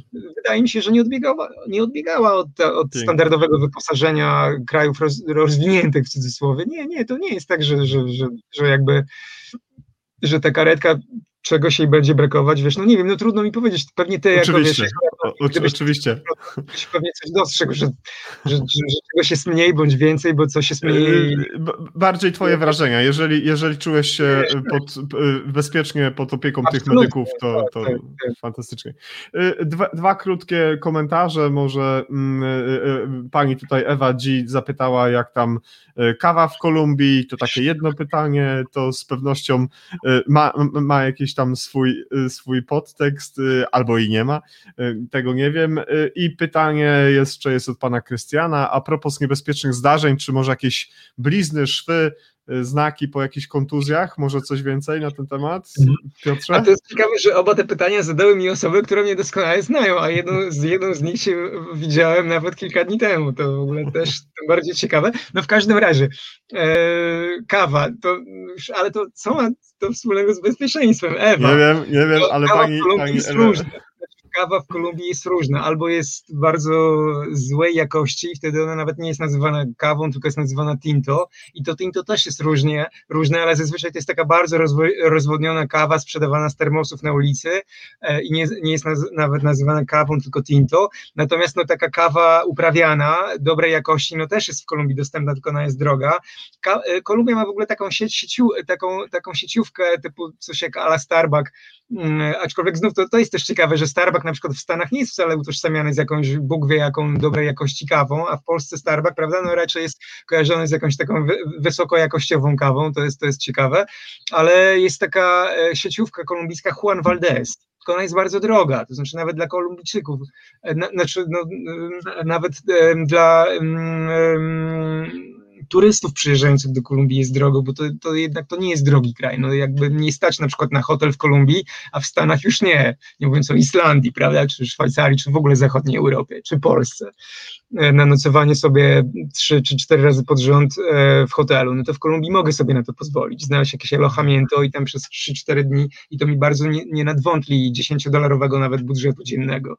Jasne. Mm, a odnośnie... odnośnie no, no, czyli ta kawa, a blizny tak? szpy, no, no blizny szpy, kurczę, bo y, to jest ciekawe też, że zapytał mnie człowiek, który się często przewraca i, i on ma sporo blizn i szwów, e, podejrzewam i nawet chyba niedawno znów sobie coś zrobił. No Krystian pozdrawiamy tak, pana Krystiana, żeby tak, jednak w zdrowiu chodził po tak, świecie. się spotkać w niedzielę, bo, bo miałem dla niego szarlotkę, ale może jutro mi się uda ją jeszcze jakoś przekazać w Warszawie. Jutro Krystian szarlotka dla ciebie, odezwę tak. się jeszcze. Będę miał prośbę do ciebie, drogi Piotrze. Gdybyś był tak uprzejmy po zakończeniu naszego, naszego dzisiejszego spotkania zajrzeć na nasz profil, na Nuristigę, tam gdzie pojawił się ten film i gdybyś był tak uprzejmy odpowiedzieć na kilka dokładnie pytań, które, których nie zadaliśmy, bo, bo rzeczywiście mi, mi, tak, tak. minęło długo dużo czasu, a wiem, że wczorajsze spotkanie było dla Ciebie pewnie może nie męczące, ale z pewnością było to długo i dzisiaj kolejne, więc nie chciałbym też bardzo mocno Ciebie obciążać. E, w związku z tym będę bardzo Cię prosił, żebyś się odniósł do tych pytań, które e, tutaj nasi słuchacze mhm. i widzowie mm, z, z, zadali. Pani Wiesława Hancock raz jeszcze napisała: Kolumbia jest niebezpieczna. Byłeś początkowo w szoku, dlatego strach przyszedł później. Tak pani mm, mhm. Hancock napisała. Mnie we Włoszech okradziono, dwoje ludzi na motorynce podjechali z tyłu i ten z tyłu zerwał mi z ramienia torebkę. W biały dzień, ba na oczach y, mnóstwa ludzi zostałam bez kluczy, bez dokumentów i pieniędzy i rzeczywiście takich sytuacji z pewnością na świecie dzieje się wiele. Y, rower to wolność, taki komentarz od pana Tomczyka, zazdroszczę panu takich rowerowych wypraw. O, przepraszam bardzo, pani Renata Tomczyk, rower to wolność, zazdroszczę panu takich rowerowych wypraw, pomimo różnych niebezpiecznych sytuacji. I tutaj też był taki chyba albo pytanie, albo może stwierdzenie, ja, y, bo to było bardzo ładne, to mi się na, naprawdę bardzo podobało. Postaram się tutaj y, to szybciutko znaleźć odnośnie wolności i, i, i rowera. O, tutaj pani Renata napisała, rower to wolność, czy pan też tak uważa? No myślę, że, że chyba tak, ale to może Piotr skwituje. No tak, tak, oczywiście rower no, daje ogromną dozę wolności. Tak. Y, pozwolisz Piotrze, że zaproszę wszystkich Państwa do tego, żeby zajrzeli do nas już, dzisiaj mamy 9, 12 marca. 12 marca będziemy mieć y, naprawdę bardzo fajną ekipę, mm, tym razem mm, w ramach rozmów o bezpieczeństwie. To, jest, to są panowie, którzy pracują w Centrum Symulacji Medycznej Wojskowego Instytutu Medycznego, Medycznego w Warszawie i będziemy rozmawiać o symulacji medycznej w ratownictwie medycznym i medycynie ratunkowej i ta rozmowa będzie w ramach serii o ratownictwie medycznym i ratunkowej medycynie właśnie, więc y, drogą takiego przypomnienia i zaproszenia raz jeszcze Państwa do tego spotkania spotkania y, y, zapraszam. To już 12 marca o godzinie 18.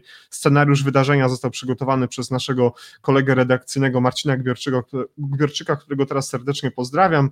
A Państwu y, dziękuję za ogromnie wielką aktywność tutaj, naszych widzów i słuchaczy, a Piotrowi zadam jeszcze takie ode mnie, chociaż może jeszcze z jedno pytanie może mi się uda.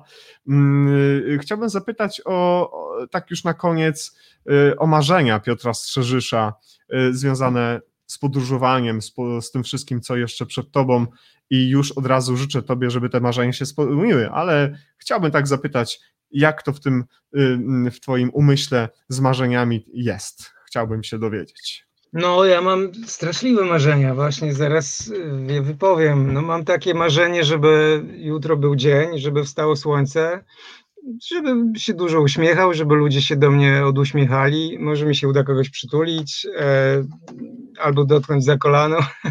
Różnie bywa i może nie dostanę za to w łeb. No i to są takie właśnie moje marzenia. No może się niektóre jutro ziszczą. Podejrzewam, że marzenie, żeby wstał dzień, to powinno się ziścić. Wszystko na to wygląda. No i żeby co? No mam takie marzenie, żeby ludzie się do siebie więcej uśmiechali, ale to nie są moje marzenia. To, że to są moje marzenia, ale dotyczące w zasadzie świata, a nie mnie. Ja, ja nie mam jakby w stosunku do siebie. Wydaje mi się, że już e, jestem na tyle i tak po pierwsze uprzywilejowany, że mogę sobie tak podróżować w stosunku do wielu innych osób, które spotykam na mhm. świecie, które nie mogą.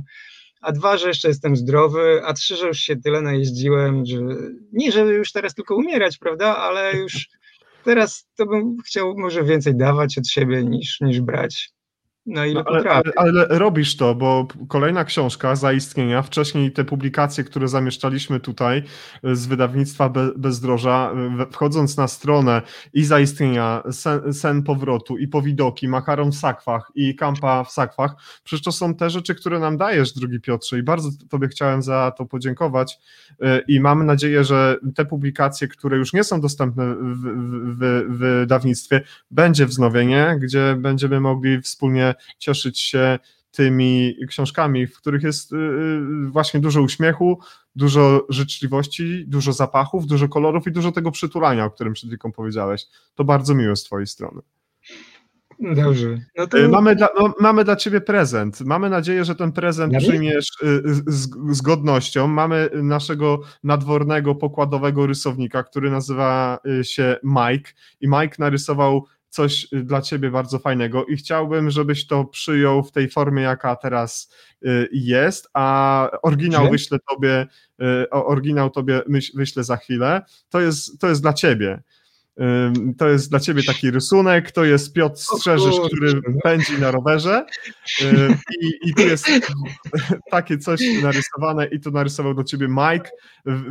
wysyłam za chwilkę na maila, wydrukuj koniecznie, powieś na ścianie i powielaj. I kiedy będziesz zapraszany na jakieś prelekcje, rozmawiaj o bezpieczeństwie z ludźmi, żeby jak najmniej tych osób rannych wypadkach rowerowych było, by to bezpieczeństwo tobie mm, też towarzyszyło i mam nadzieję, że od dzisiaj Nurdi Striget y, i piękni słuchacze i widzowie, którzy dzisiaj byli z nami, mm, będą też tobie o tym przypo, przypominać. Mam nadzieję, że ci się prezent podoba i ta piękna Bardzo. komiksowa animacja jest śliczna, bo w, mojej ocenie jest cudowna i dziękuję Majkowi za kolejny piękny rysunek. Bardzo dziękuję. No to, to co? To uciekamy, tak? Tak, chyba tak. To, to co? Ma, o marzeniach było, było o bezpieczeństwie i, i jestem ym, przekonany, że w jakimś niewielkim stopniu sprostaliśmy oczekiwaniom naszych widzów i mamy nadzieję, że w przyszłości, kiedy znajdziesz troszkę czasu, zajrzysz do nas jeszcze raz i pogadamy trochę o bezpieczeństwie. Może w Oslo. Może w Oslo. Drzwi otwarte. Pamiętaj, że już miejscówkę w Norwegii masz, tak więc jak będziesz się wybierał, to zapraszam. No widzisz, jak byłem kiedyś w Oslo, to w lesie spałem pod miastem. A teraz już nie będziesz musiał, bo zapewniam Ciebie, że widzowie i słuchacze Nurdis Triget Live tutaj na, na naszym profilu facebookowym i na kanale YouTube i na Spotify zawsze Cię chętnie przygarną e, i, w najlepszych możliwych warunkach. Tak więc o tym e, zapewniam i na pewno możesz być tego pewny. Dziękuję serdecznie. Na pytania postaram się odpowiedzieć na profilu facebookowym, tak. tak. Na, na, pytania postaram się odpowiedzieć już na profilu, profilu facebookowym, jeżeli tam jeszcze były jakieś konkretne. Tak, tak bardzo bym Cię prosił, wtedy wszyscy z naszych widzów, słuchaczy będą um, usatysfakcjonowani, bo to najważniejsze, żeby ludzie byli zadowoleni. Dziękuję bardzo. Moim i Państwa Dziękujemy. gościem był Piotr Strzeżysz, podróżnik, autor książek, pisarz, Y, człowiek, który mógłby o życiu opowiadać bardzo barwnie, kolorowo i przede wszystkim długo, tak, żeby się to wszystko nie nudziło. Y, ja nazywam się Jacek Borowiak, a Państwo oglądaliście kolejny odcinek Nordic Ticket Live, tym razem o bezpieczeństwie, a rozmawialiśmy o bezpieczeństwie w samotnych wyprawach rowerowych z Piotrem Strzeżyszem. Dziękuję, do zobaczenia 12 marca o godzinie 18. Serdecznie wszystkich y, mm, pozdrawiam, kłaniam się Państwu nisko, życzę dobrej nocy i machamy serdecznie.